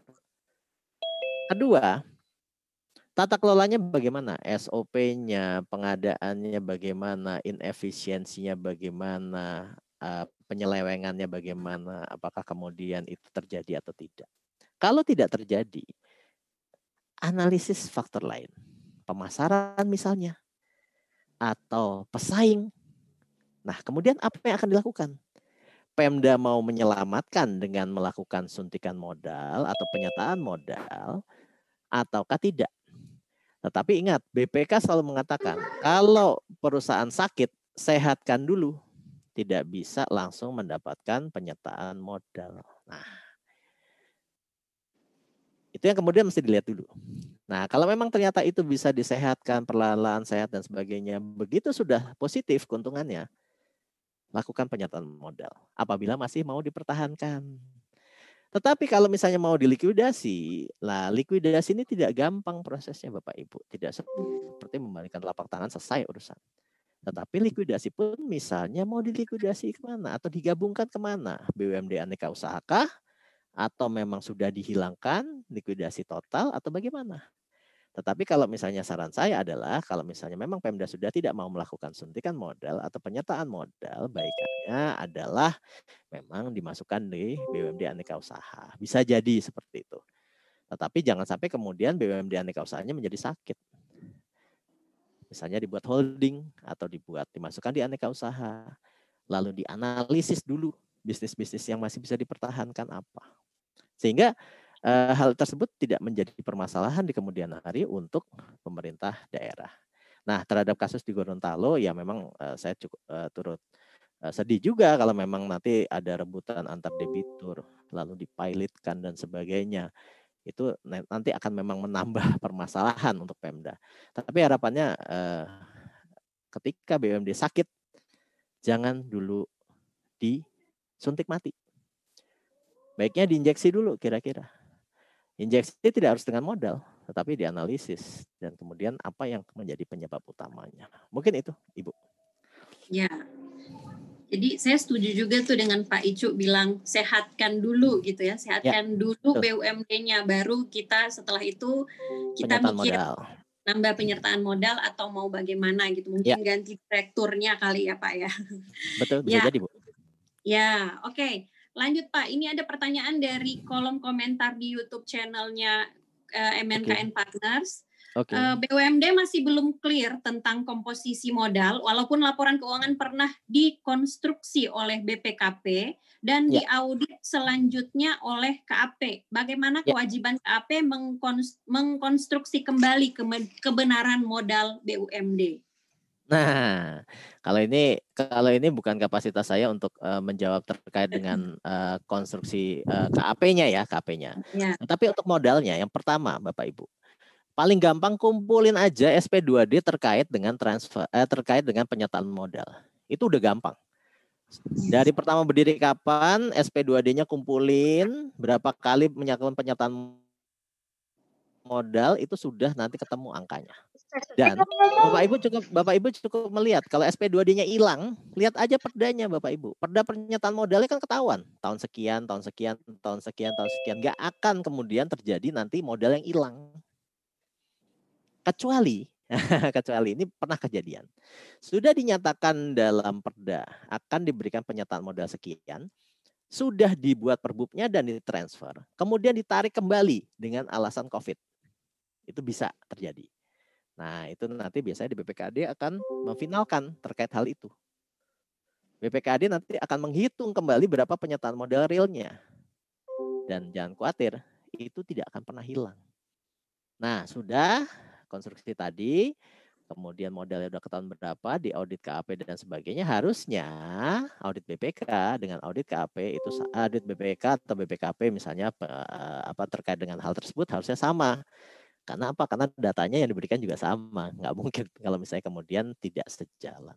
Nah, untuk konstruksi modal dan sebagainya audit dalam KAP, ini yang paling berkompeten itu adalah memang yang uh, uh, Bapak Ibu partner di sini nanti bisa menjawab. Membantu saya menjawab. Ada Bu Rida, uh, ada Bu uh, Uci. Nah, ini. Jadi masih bisa uh, nanti membantu saya untuk menjawab. Ada uh, Pak Masun, Pak uh, Sudarmana itu bisa juga membantu.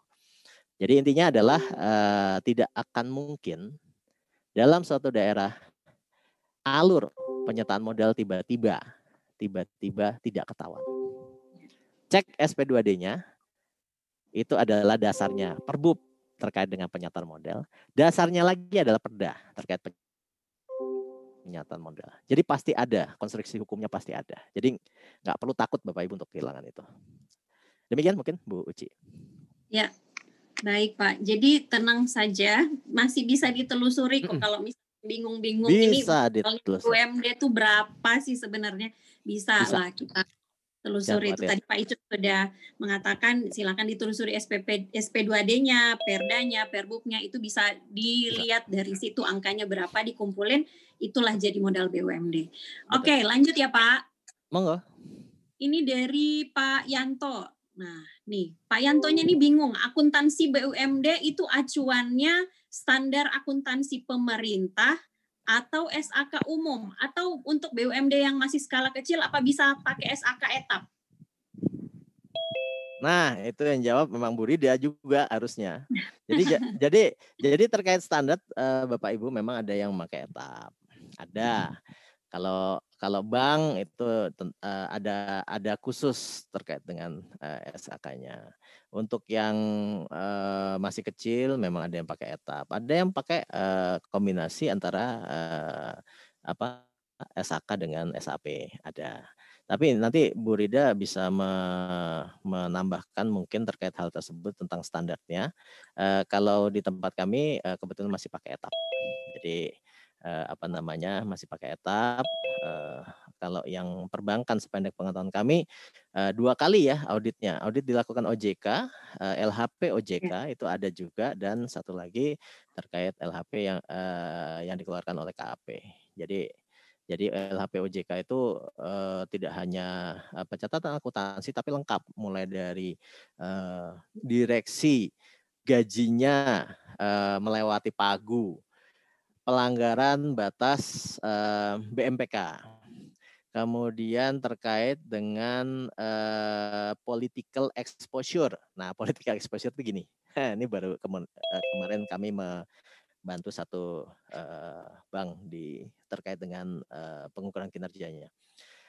Ada kredit yang diberikan kepada anak dari ketua DPRD. Nah, itu political exposure. Lalu ada juga yang kemudian konflik of interest. Kadif operasional mobilnya Vitara kemudian mengusulkan untuk mengganti mobilnya menjadi Innova. Sedangkan beliau adalah ketua apa namanya ketua atau uh, kepala pengadaan barang dan jasanya. Jadi kadif operasionalnya merangkap. Enak bener ya? Bisa ganti mobil minta sendiri, ngadain sendiri, enak sendiri ya gitu ya. Jadi itu memang prinsipnya one man show kayak begitu biasanya. Jadi itu ada juga. Jadi eh, LHP dari OJK biasanya lengkap terkait dengan uh, akuntansi termasuk dendanya berapa.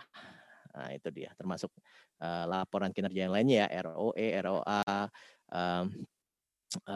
apa namanya NPL, CAR itu lengkap semuanya di situ ada. Begitu Bu, sementara. Ya, Uh, baik Pak, uh, terima kasih tadi sudah menjelaskan juga political expo exposure ini. Ini banyak ya. terjadi di daerah-daerah ya Pak ya. Banyak, Sama sangat banyak. Juga di Gorontalo juga banyak yang seperti ya, itu Pak. Banyak, Kayaknya banyak. di daerah-daerah juga uh, sering terjadi seperti ini ya Pak? Sangat banyak. Iya. Nah, Sangat uh, banyak. Iya. Dan ini kan bikin uh, apa ya? Bikin rawan uh, merusak kinerja BUMD ya Pak ya. Gak cuma rawan Bu, itu bikin kisruh Bu. Ribut nanti. Kalau memang nanti tidak, mem memang yang bersangkutan nanti political exposure-nya sudah kurang baik. Tapi kalau baik, nggak ada masalah.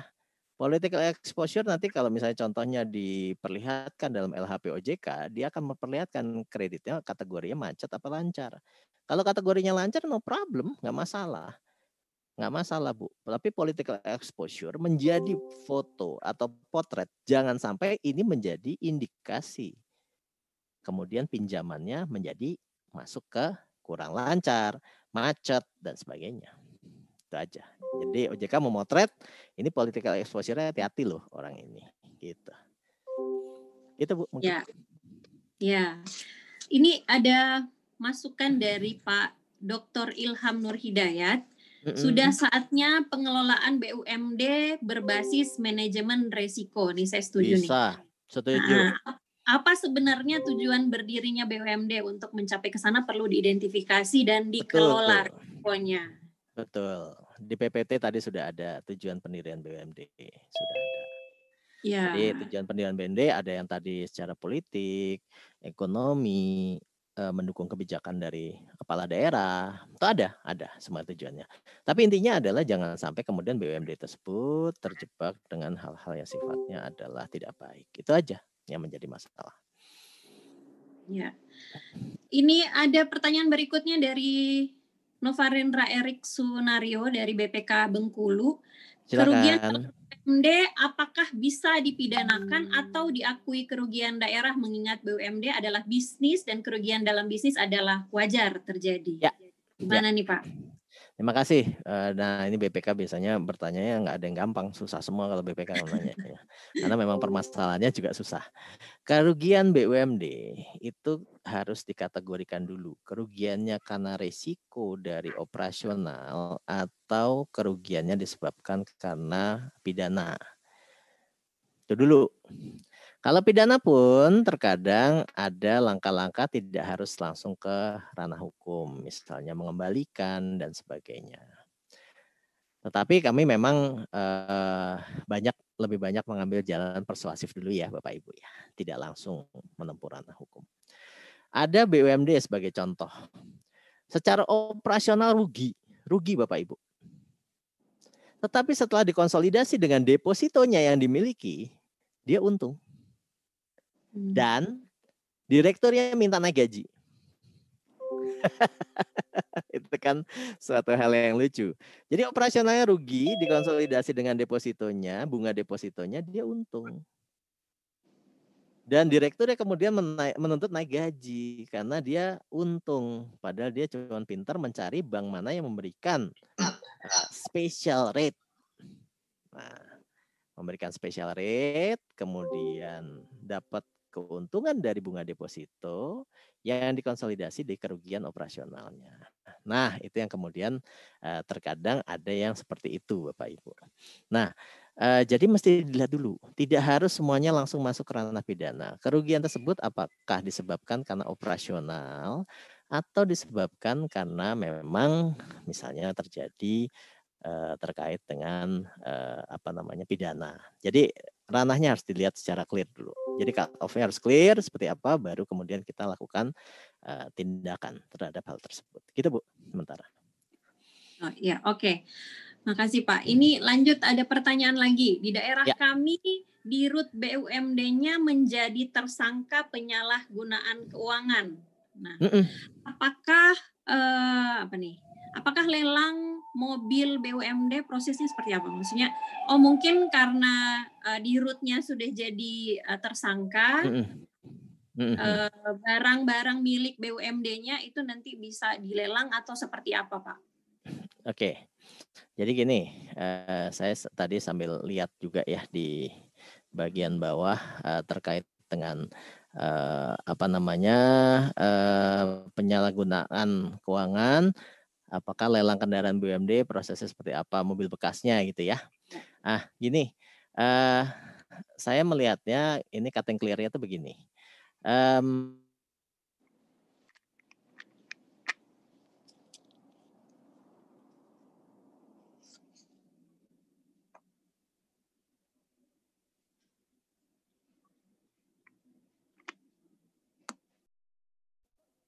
Hmm, direkturnya bermasalah, apa namanya, misalnya penjara.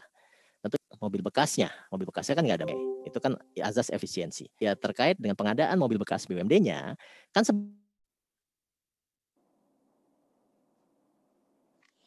bisa di eh, bisa diambil bahwa untuk menjual mobil bekasnya apa gitu appraisalnya. Nah, misalnya price-nya nilainya 50 juta, kemudian mau eh, beli mobil yang baru. Ya mobil yang bekas dijual, beli yang baru. Nah, dasar appraisal itu yang kemudian dipakai Bapak Ibu. Jadi ketika sekarang banyak kok metode kita untuk eh, terbebas dari jerat hukum itu banyak metodenya. Menggunakan appraisal, menggunakan KAP itu jelas. Itu akan lebih firm buat kita ketika kita mengambil keputusan. Contoh tindakan strategis. Mau dilihat apanya dulu? Cash flow-nya kita lihat. Kita lihat dulu kemampuan keuangan daerahnya. Kadang ada yang kemudian eh, BPK kemudian melihat ini daerahnya kemampuan keuangan daerahnya rendah. Tapi kok penyataan modal ke BUMD-nya tinggi. Bisa jadi itu ada kayak begitu. Nah, bagaimana nih supaya tidak dipersalahkan? Hitung dulu kemampuan keuangan daerahnya. Lalu masing-masing BUMD membuat RBA, RAB contohnya, RBA, business plan, eh, RKAP ke depannya seperti apa. Nah, dari situ kan bisa kemudian dilihat apakah daerah harus melakukan penyetaan modal atau kemudian dia tidak usah melakukan penyertaan modal. Kadang suka dicurigai ini. Dicurigai apa? Kemampuan keuangan daerah rendah. Free cash flow-nya rendah. Tapi kemudian kok melakukan penyertaan modal ke BUMD yang notabene sehat. Nah, banyak itu terjadi seperti itu. Padahal ya bisa saja itu kebijakan daerah, kebijakan kepada daerah. Saya mau penyertaan modal ke sini kok karena de, karena karena BUMD-nya ternyata sehat dan dia menghasilkan keuntungan atau dividen. Nah, itu bisa jadi seperti itu. Jadi kadang-kadang banyaklah uh, apa hal-hal yang perlu kita perhatikan terkait hal itu. Monggo, silakan lanjut Bu Uci. Ya. Uh, ini ada pertanyaan dari Pak Sudarmana. Oke. Okay. Izin bertanya Pak Dr. Icu, apakah ada standar scoring untuk penilaian kinerja BUMD? Ada scoringnya nggak? Standarnya itu saya belum pernah menemukan Pak Sudarmana, tetapi saya pernah melihat uh, bagaimana uh, ketika pemilihan apakah dia tetap jadi perumda atau tetap jadi perseroda. Itu kita menggunakan uh, dami saja, dami berdasarkan uh, apa namanya pertanyaan-pertanyaan yang ada. Misalnya dia perlu atau tidak. Nah, itu uh, dasarnya kemudian banyak mana yang perlu, banyak mana yang tidak itu menggunakan uh, dami. Tetapi kalau uh, standar uh, pengukuran di BUMD itu saya belum pernah lihat yang firm ya Pak ya, yang firm, yang firm. Tetapi kalau yang uh, apa namanya yang mungkin dibuat sendiri atau kemudian terkait dengan uh, apa namanya uh, mencoba membuat metode dengan metode ini, saya sudah pernah lihat. Tetapi yang firm uh, saya belum pernah uh, lihat secara detail untuk kinerjanya. Hanya saja kalau bank, kalau bank sudah ada. Bank itu untuk misalnya uh, contohnya uh, bank itu menggunakan standar dari OJK. Itu semua ada dan itu dilaporkan tiap uh, triwulan kalau nggak salah dan ada LHP-nya Bapak Ibu, ada LHP-nya. Jadi itu standar pengukurannya kalau untuk bank lebih rigid, lebih rigid sudah ada.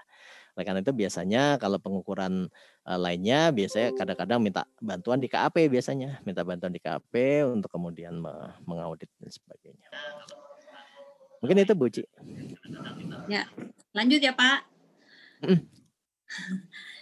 Dari Ibu Uti Titiastri, apakah fungsi mm. mungkin beliau ini ingin bertanya fungsi SPI mm. yang, yang mempengaruhi optimalnya kinerja BUMD? Bagaimana tuh fungsi SPI bisa mengoptimalkan kinerja BUMD? Uh, jelas Bu, pengendalian internal yang baik itu kalau kita dalam akuntansi kan sudah kita ketahui bahwa kalau SPI-nya bagus, biasanya nanti uh, samplingnya tidak usah terlalu banyak. Itu sudah sudah menjadi uh, sudah menjadi pakem ya Bapak Ibu ya. Sampling dari populasi tidak usah terlalu banyak. Itu itu sudah menjadi pakem. Gini Bu, hanya problemnya di BUMD terkadang SPI-nya itu masih dalam bentuknya SOP gitu. Jadi artinya masih bentuknya uh, apa namanya kira-kira seperti ini SPI yang akan dilakukan, kira-kira uh, tabelnya seperti ini, langkahnya seperti ini. Jadi tidak tidak kemudian langsung menunjukkan bahwa apa namanya SPI-nya itu seperti ini, ada pejabatnya dan sebagainya. Karena apa? Memang keterbatasan keuangan dari BUMD. Nah, BUMD memang tidak besar Bapak Ibu. Biasanya BUMD itu uh, satu tahun ya aset kalau non perbankan ya non perbankan Bapak Ibu itu 5 miliar untuk omset saja sudah bagus Bapak Ibu. Sudah bagus. Uh, bahkan ada yang cuma 2 miliar, satu miliar dalam satu tahun. Jadi memang tidak akan besar gajinya. Tapi di situ memang uh, kalau tidak diaudit penyelewengannya tinggi. Nah, itu SPI kemudian nanti bermain di sana.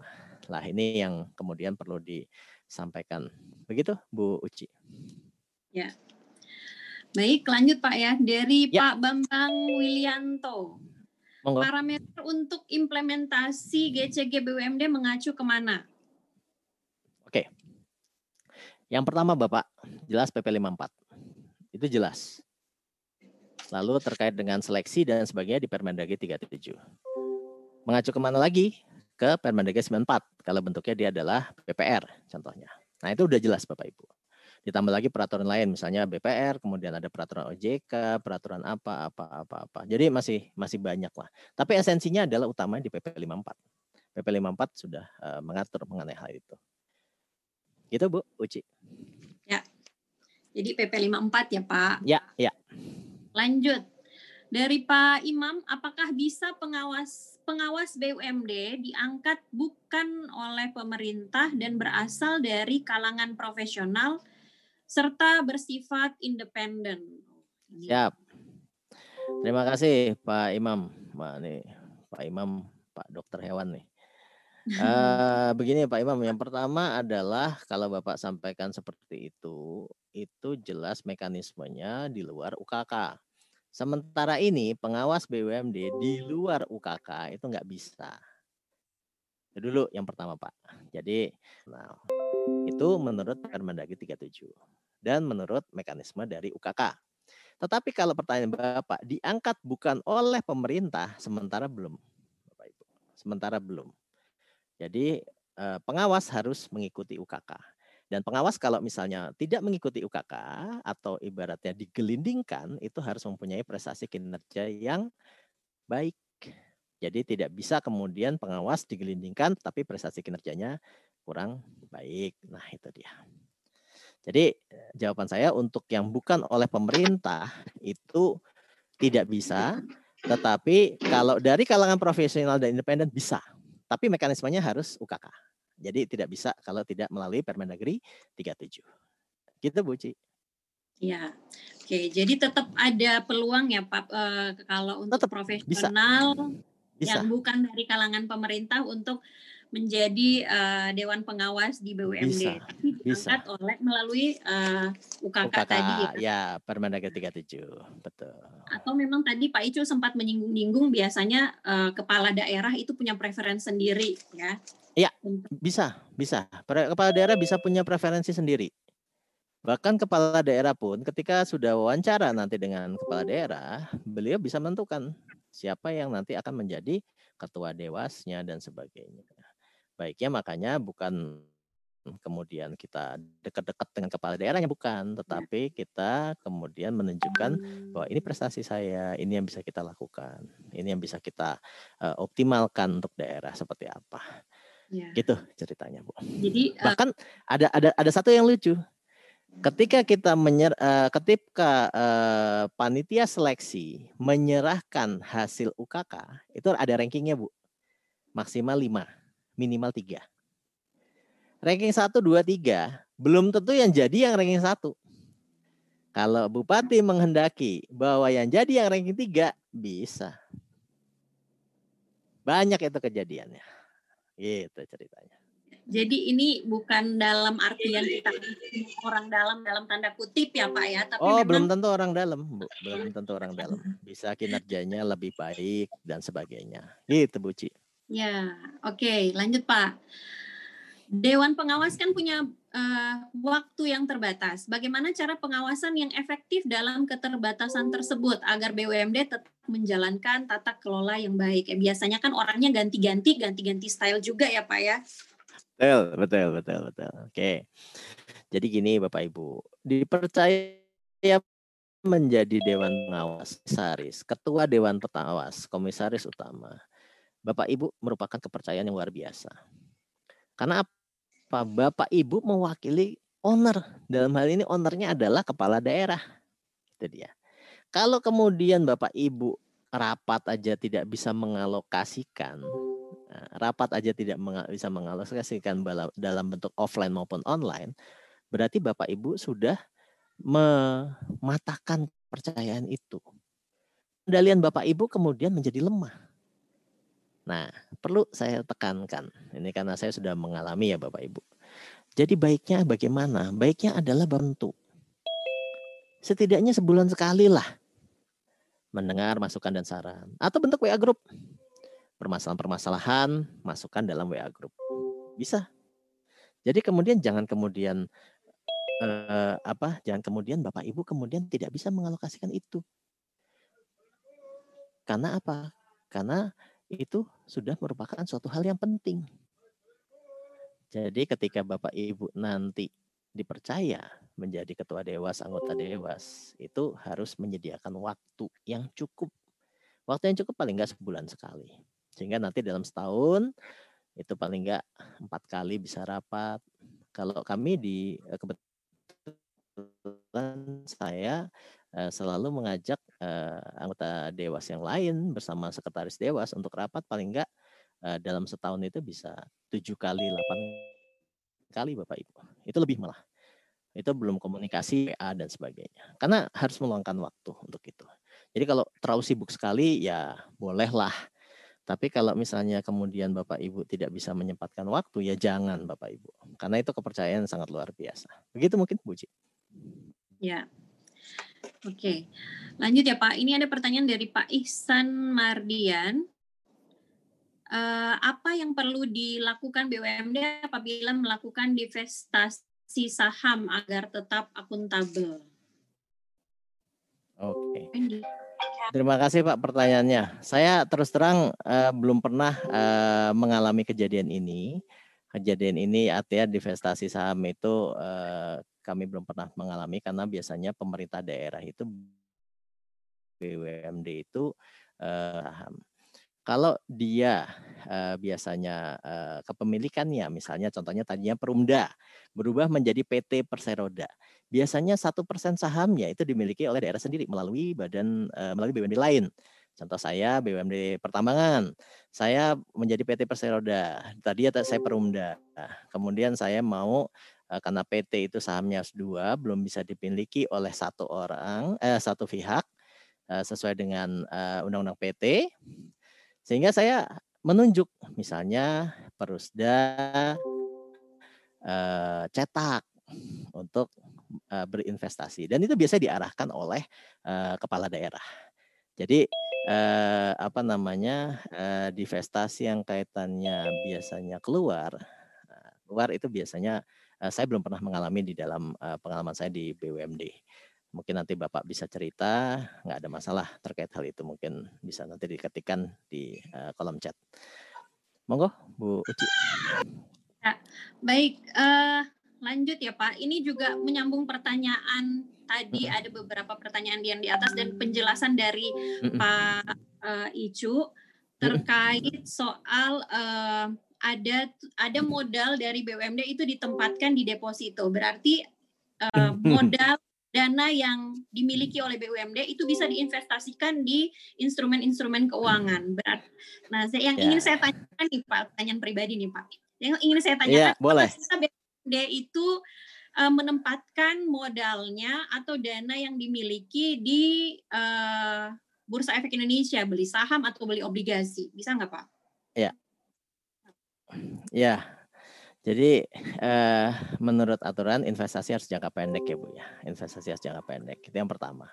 Yang kedua adalah kalau Ibu kemudian nanti melakukan eh, investasi dalam bentuk eh, apa namanya membeli instrumen surat berharga dan sebagainya, memang harus dipastikan dulu kenapa Ibu melakukan itu. Karena begini kebanyakan nih kebanyakan ya. Kebanyakan ketika mendapatkan penyertaan modal tiba-tiba rencananya BUMD itu berubah. Berubahnya gimana? Dia kemudian tidak mau lagi untuk memutar itu dalam bisnis. Ah, udahlah yang resikonya rendah aja dikasih deposito.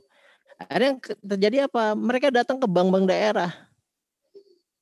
Mitra BUMD lah hebatnya, mitra BUMD. Bunganya, ah udah kita kasih 9% deh kalau gitu. Berapa sih pasaran? Oh pasaran kan cuma 6. Nah, itu banyak yang kayak gitu, Bu. Jadi akhirnya mereka investasikan itu di uh, apa namanya di uh, investasikan itu di apa di uh, apa namanya di uh, bank daerah sebagai mitranya sesama BUMD saling tolong menolong lah katanya begitu.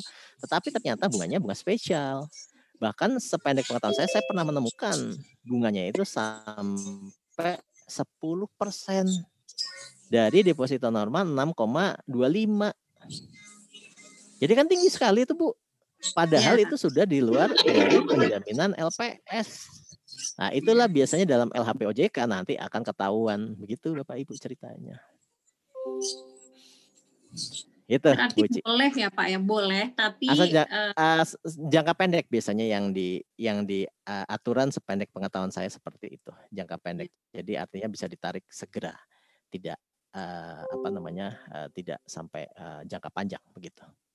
Ya baik terima kasih penjelasannya Pak uh, Pak Icu. Jadi tetap boleh investasikan tapi ya. investasinya jangka pendek aja, jangan yang ditaruh di deposito yang bertahun-tahun ya. Itu tidak Ya, mencerminkan biasanya kinerja begitu. dari BUMD-nya tapi Pak ya, karena tadi kan Pak Icu ada betul, jelaskan, tidak. ya operasi secara operasional dia rugi, tapi setelah hitung dengan eh, ditambahin dengan deposito yang ternyata dia naruh uang BUMD-nya di situ, dia punya keuntungan Iya, jadi jadi kelihatan untung padahal dari operasional dia Betul. merugi ya. Baik eh, saya berikan betul, betul, kesempatan betul kepada Pak Mahsun selaku managing partner dari MNKN Partners ingin menyanggah pertanyaan tadi yang terkait dengan eh, kewajiban KAP mengkonstruksi kembali kebenar kebenaran modal dari BUMD monggo Pak Mahsun. Silakan, silakan Pak Masen. Baik, terima kasih eh, waktunya. Pak Icu mohon izin. Luar Silakan. biasa ini ilmunya Pak Icu memang sangat dalam. Saya sedikit saja eh, perspektif eh, akuntan publik ya Monggo, pada saat kita eh, mendapatkan assignment ya di BUMD maka standar yang digunakan sebagai ukuran kualitas audit tentu adalah standar audit. Apakah itu SPKN, apakah itu SPAP atau SA sekarang namanya. Kalau yang diaudit adalah yang terkait dengan APBD, maka kita menggunakan SPKN. Standarnya adalah SAP, standar akuntansinya. Kalau yang diaudit itu adalah keuangan yang non APBD, maka kita menggunakan SHK etap. Standar auditnya adalah standar SPAP. Jadi ini kaidah-kaidah yang kita gunakan pada saat ada assignment di eh, BUMD. Maka berdasarkan Undang-Undang Angkutan Publik, kita bisa melakukan review, kita bisa melakukan assurance yang sifatnya audit, atau kita bisa melakukan eh, pemeriksaan yang sifatnya adalah investigatif. Atau kalau istilah dari BPK adalah PDTT, pemeriksaan dengan tujuan tertentu. Jadi ini adalah satu case yang saya kira cukup menarik untuk dikaji. Karena ini ada ilmu, ilmunya cukup berat menurut saya, yaitu creative accounting, reengineering, financial reporting. Ini ini eh, harus cukup kita perhatikan dengan serius karena terkait dengan deposito ya. Deposito itu memang akhirnya secara ending dari laporan keuangan itu seolah-olah profitabilitasnya bagus. Padahal BUMD itu hanya memperoleh pendapatan bunga dari deposito bukan dari pendapatan usaha. Kalau dilihat secara net profit ya, nampak bagus tetapi kalau margin bruto itu sebetulnya bisa minus. Maka di dalam penilaian kinerja keuangan mesti hati-hati. Ya. Kalau kami ya atau kita semua perspektif auditor pasti melihat namanya BUMD atau perusahaan daerah ya itu didirikan untuk tujuan apa? Ya. Core bisnisnya apa? Maka hanya pendapatan yang diperoleh dari core bisnis itulah yang merupakan pendapatan usaha. Prestasi realnya dari situ. Kalau dia dapat subsidi APBD kemudian didepositukan ada pendapatan bunga yang tinggi sehingga yang margin brutonya negatif menjadi positif secara net ya itu sebetulnya bukan prestasi. Karena bunga itu adalah di luar core bisnisnya dari perusahaan daerah itu kecuali kalau perusahaan daerah itu didirikan dalam rangka untuk tujuan investasi. Silahkan. Ya, itu masuk menjadi pendapatan usaha. Kalau bukan inilah yang yang kita waspadai ya hati-hati dengan akuntansi hati-hati dengan pelaporan keuangan ya. Itu ilmunya ilmu tinggi kreatif accounting segala macam tak nampak itu melanggar standar tetapi bisa menyesatkan publik kalau kita nggak hati-hati saya kira gitu masukan dan mohon saran yang lain. Terima kasih, Prof. Icu. Terima kasih Pak Mason atas tambahannya. Betul sekali Pak. Memang itu makanya tadi saya agak ketawanya adalah uh, operasional rugi dikonsolidasi dengan dengan depositonya jadi untung kemudian minta gaji minta naik gaji padahal beli uh, eh, BUMD-nya adalah aneka usaha bukan uh, terkait dengan uh, investasi. Nah, ini dia. Betul ya. tadi yang ditambahkan oleh uh, Pak Masen. Terima kasih Pak Masen. Ya, oke, okay. masih ada Silakan Bu Uci. Ya, masih ada 20 menit lagi nih, kurang lebih 20 menit. Masih ada banyak pertanyaan nih, Pak. Salah satu pertanyaan nih yang mewakili mungkin karyawan dari Ibu-ibu. BUMD. Ya, ibu-ibu nih, Supiati. Oh, karyawan BUMD, ya, ibu-ibu. komentarnya YouTube okay. nih. Nah, ini juga Pak Icu okay. tadi Monggo, tidak menyinggung-nyinggung soal uh, pertanyaan beliau ini. Apakah bukan kesalahan Apa? jika sebuah BUMD tidak melakukan pengupahan bagaimana uh, pola penggajian? Tetapi begini Ibu, pada dasarnya dalam kondisi normal tidak hanya sesuai dengan UMP atau tidak sesuai dengan UMK, tetapi juga bisa ditambahkan kesejahteraan lain. Jadi tidak stop sampai di situ ya Bu ya dalam kondisi normal. Hanya saja memang terkadang kemampuan keuangan dari BUMD itu dalam posisi yang tidak sehat. Sehingga dalam posisi yang tidak sehat adalah adalah keluar diskresi. Diskresi yang kemudian memang menyalahi, memang menyalahi Jujur memang menyalahi. Tetapi memang disebabkan karena untuk menghemat atau efisiensi dalam uh, pengeluaran BUMD. Nah, kalau tadi yang Ibu sampaikan adalah walaupun dalam kondisi rugi dia tetap merekrut. Nah, itu biasanya gini, Bu. BUMD-nya itu terkait masalah tenaga kontrak biasanya. Dua tahun tidak diangkat jadi karyawan kan diberhentikan, Bu. Nah, supaya tidak diberhentikan gimana? Suruh berhenti dulu, selang sebulan ngelamar lagi. Itu sering kejadian kayak begitu. Dan itu bukan cerita apa bukan cerita klasik lah itu cerita cerita yang sudah kalau Bu Rida bilang itu udah jadi dongeng ya Bu ya kalau itu udah sudah oleh eh, BUMD. Nah, sehingga kalau tadi Ibu uh, sampaikan terjadi hal seperti seperti itu, ya itu sebenarnya kalau menurut saya kalau dalam kondisi dia belum diberhentikan, kemudian masih merekrut ya menurut saya itu zolim ya Bu ya. Cuman uh, memang kita harus lihat dulu terkait dengan uh, job desk dan job spec-nya. Terkadang job desk dan job spec itu belum disetting oleh BUMD sehingga nanti si ini kerjanya apa, si ini workloadnya seperti apa, itu kadang-kadang belum belum ada settingannya. Sehingga kadang-kadang juga datang titipan dari dewan, titipan dari Bapak A, Bapak B, eh, kepala dinas ini, bahkan Pak Sekda ini, maksudnya Pak Sekda ini dalam arti Pak Sekda yang eh, juga dititipi oleh eh, orang lain. Lah, atau misalnya dari yang lain. Ini beberapa daerah, oh, banyak daerah lah terjadi seperti ini. Jadi uh, mungkin saja disebabkan karena tekanan juga bisa. Tetapi begini Bapak Ibu, kalau Bapak Ibu sudah mempunyai job spec dan job desk, itu adalah saat Bapak Ibu untuk menolak.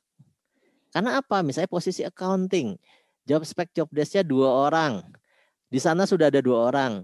Sudah tinggal tunjukkan ini kajian dari job desk dan job spec-nya ternyata hanya dua orang. Kalau kita menambah tidak sesuai dengan job desk dan job spec itu salah. Tinggal gitu aja. Nah, itu kalau Bapak Ibu menghadapi tekanan-tekanan.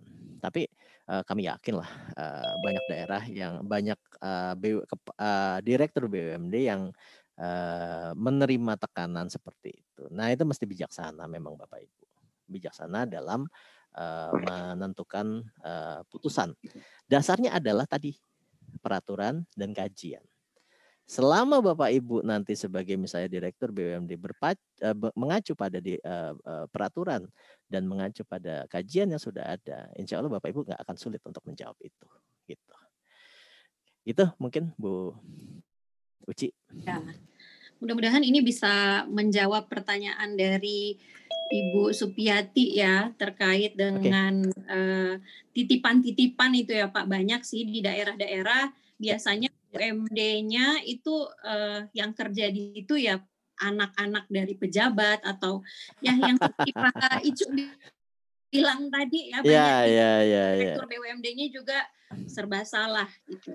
Nah, itu mungkin salah Iya. satu bisa dimasukkan Pak pada persoalan yang sering ditemui BUMD. Ag- Agaknya sulit Bisa. untuk ya, agaknya sulit untuk eh, menerapkan prinsip GCG atau mempekerjakan profesional. Nanti kan bisa, imbasnya pada eh, kinerja BUMD-nya sendiri kalau misalnya kita merekrut orang eh, Ya. asal-asalan atau cuman orang titipan. Ya ya Ya. syukur-syukur kalau orang titipannya tuh eh, cukup capable, cukup punya kemampuan di bidang itu, Baik. Pak. Cuma kalau eh, sebaliknya kan agak Betul. repot juga ya, Pak ya. Betul, betul. Ya, Betul, Ibu. Oke. Betul. Lanjut ya, Pak. Ini ada pertanyaan dari Ibu Nana. Silakan. Investasi instrumen dalam jangka pendek deposito, contohnya deposito dengan bunga spesial. Apa apakah ada tindakan OJK Ya. terkait hal ini apakah termasuk tindakan ilegal? Sebenarnya ini yang menjawab harusnya OJK ya, Pak ya. Tapi kalau misalnya eh, Pak Icu Ya, ya, ya, Pak Icu ya, punya ya. eh, Ya, pengetahuan ya. terkait hal ini, Ya, ya. Oke, oke. Ya, silakan. Eh, gini, Ibu. Aduh, ini pertanyaannya serba serba salah juga nih, tapi memang harus kita jawab. Melanggar itu biasanya dalam LHP OJK pasti akan diperingatkan. Pemberian special rate kepada pihak terafiliasi, pembelian special rate terhadap pihak sensitivitas dengan bunga, eh, kebijakan special rate terhadap eh, political exposed person, kebijakan special rate terhadap pengelola. Ini juga biasanya diungkapkan di dalam LHP. Jadi jangan khawatir Bapak Ibu. Kalau melanggar, peraturannya jelas melanggar. Apalagi di atas penjaminan eh, lembaga penjamin simpanan ya LPS. Jelas melanggar. Hanya saja biasanya begini Bapak Ibu. Era persaingan sekarang, bahkan OJK mengidentifikasi terhadap orang-orang yang sensitif terhadap perubahan bunga. Itu diindikasikan. Dan berapa jumlah simpanan dia. Nah, ada satu bank, kemudian BPR kecil lah, BPR kecil ternyata dia itu ada satu orang yang sensitif dengan perubahan bunga karena depositonya tuh 6,5 M. Dia sensitif sekali. Jadi tiap bunganya mau diturunkan, perpanjangan revolving berikutnya, dia pasti minta naik. Dan kalau misalnya kita apa tidak kabulkan, dia tarik itu. Nah, itu OJK juga mengidentifikasi itu. Kalau dibilang melanggar, jelas kalau melanggar LPS jelas. Suku punya penjaminan LPS itu kan eh, apa namanya sudah ada kan. Jadi eh, apa namanya itu yang kemudian eh, perlu diperhatikan. Jadi mungkin itu sedikit yang bisa saya eh, sampaikan eh, karena bukan kapabilitasnya, Iya. tapi saya pernah melihat itu dalam LHP OJK terhadap salah satu BPR milik Pemda. Nah, di situlah kemudian eh, kami melihat eh, peringatan dari eh, OJK. Bahkan OJK memperingatkan kalau ada potensi negatif spread disebabkan karena pembelian special rate terhadap nasabah. Itu dia. Itu yang perlu eh, Bapak Ibu eh, sampaikan, eh, perhatikan juga. Terima kasih Bu Ci. Ya, oke Pak. Ini pertanyaan terakhir 10 menit menjelang berakhirnya acara hari Oh, ini. terakhir. Oke. Oke, waduh, rasa ya. bisa istirahat. Nggak terasa. Oke. Eh, eh, Ini ada kerasa. pertanyaan dari Ibu Dewi. Ya. Eh, ada badan pengawas yang tidak melaksanakan tugasnya sesuai tupoksi. Laporan tidak pernah dibuat, hanya menerima honor saja. Ini bagaimana nih dewan pengawas BUMD-nya? Waduh. Bisa ditegur. Nah, yang ber- yang berhak untuk menegur tuh siapa? Direktur kah atau Pemdanya kah? Ini pertanyaan terakhir boleh nih. Oke, oke, oke, oke. Terima kasih Bu Bu siapa tadi Bu Ci? Ah, bentar. Ibu Dewi. Bu Dewi, oke. Terima kasih Bu Dewi pertanyaannya. Ini Bu Dewi ini bisa mewakili eh, apa namanya inspektorat atau Pemda nih kelihatannya yang mengawasi terkait hal itu. Begini Bu Dewi, tadi saya sudah sampaikan. Ketika Bapak Ibu ditunjuk menjadi dewas, komisaris, anggota dewas maupun sekretaris dewas atau eh, komisaris tadi, Bapak Ibu sudah ada kewajiban bahwa Bapak Ibu harus melaksanakan peraturan-peraturan yang ada di sana. Itu dulu nomor satu.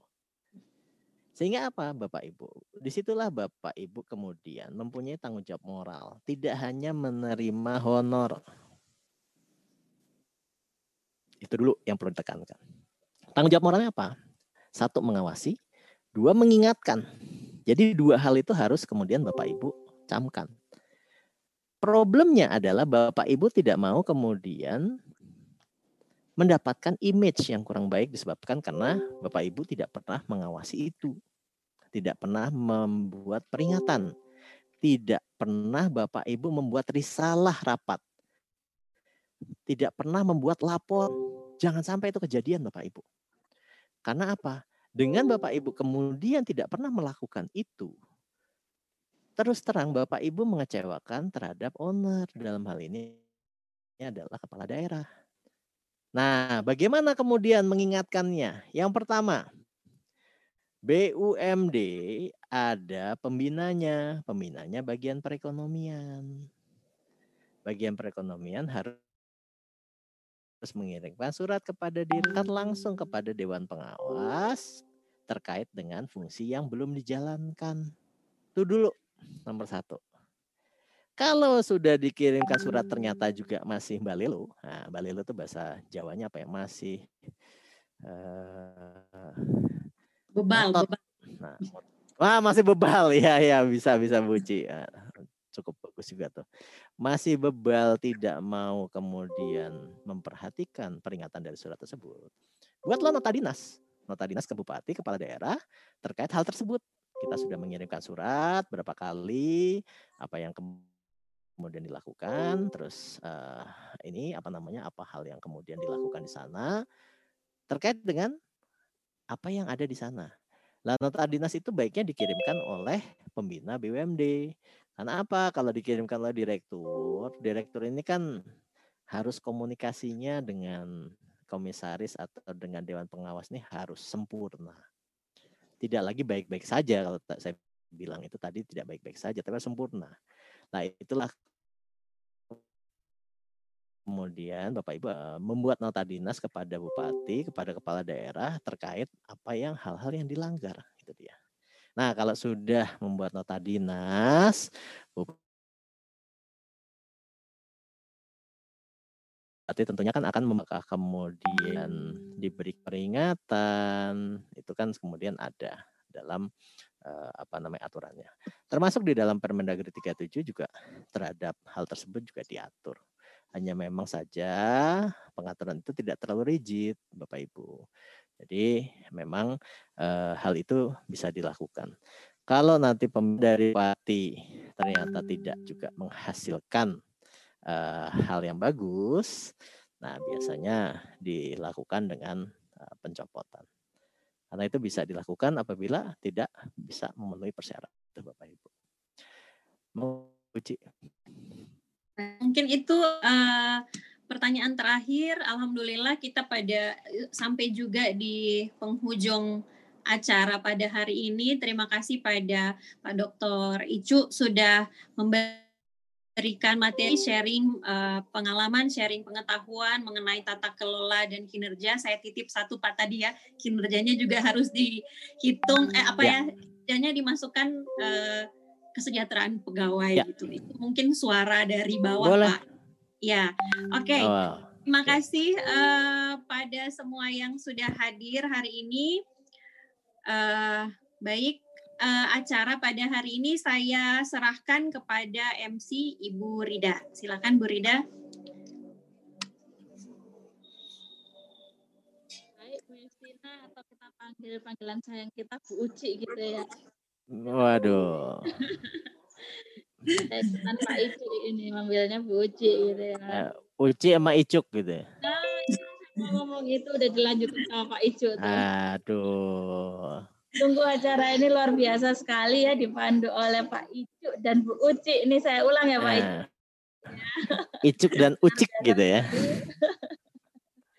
Baik, Bapak pimpinan KPMNK, kita sudah berada di penghujung acara.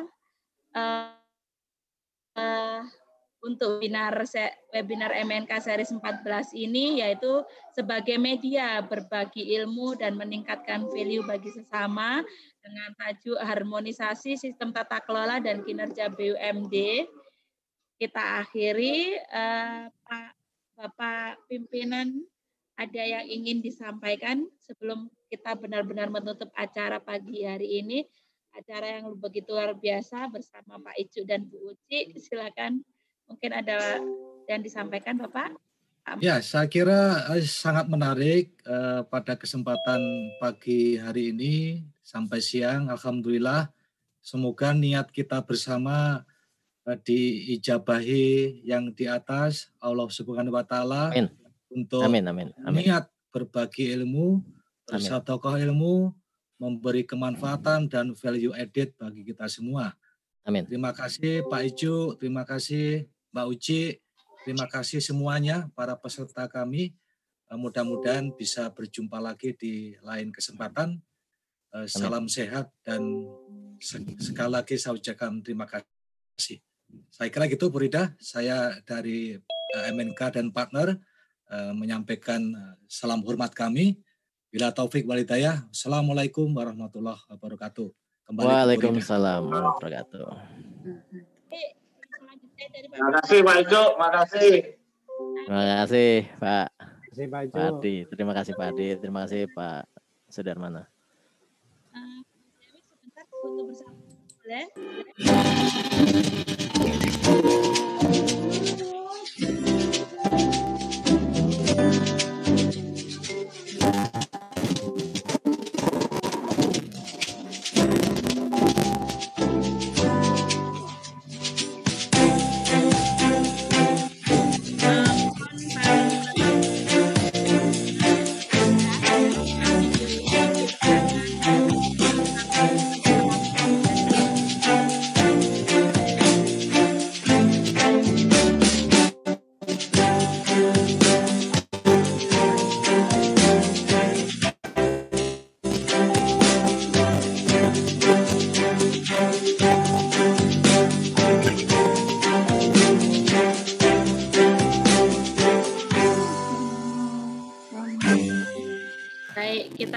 Bersama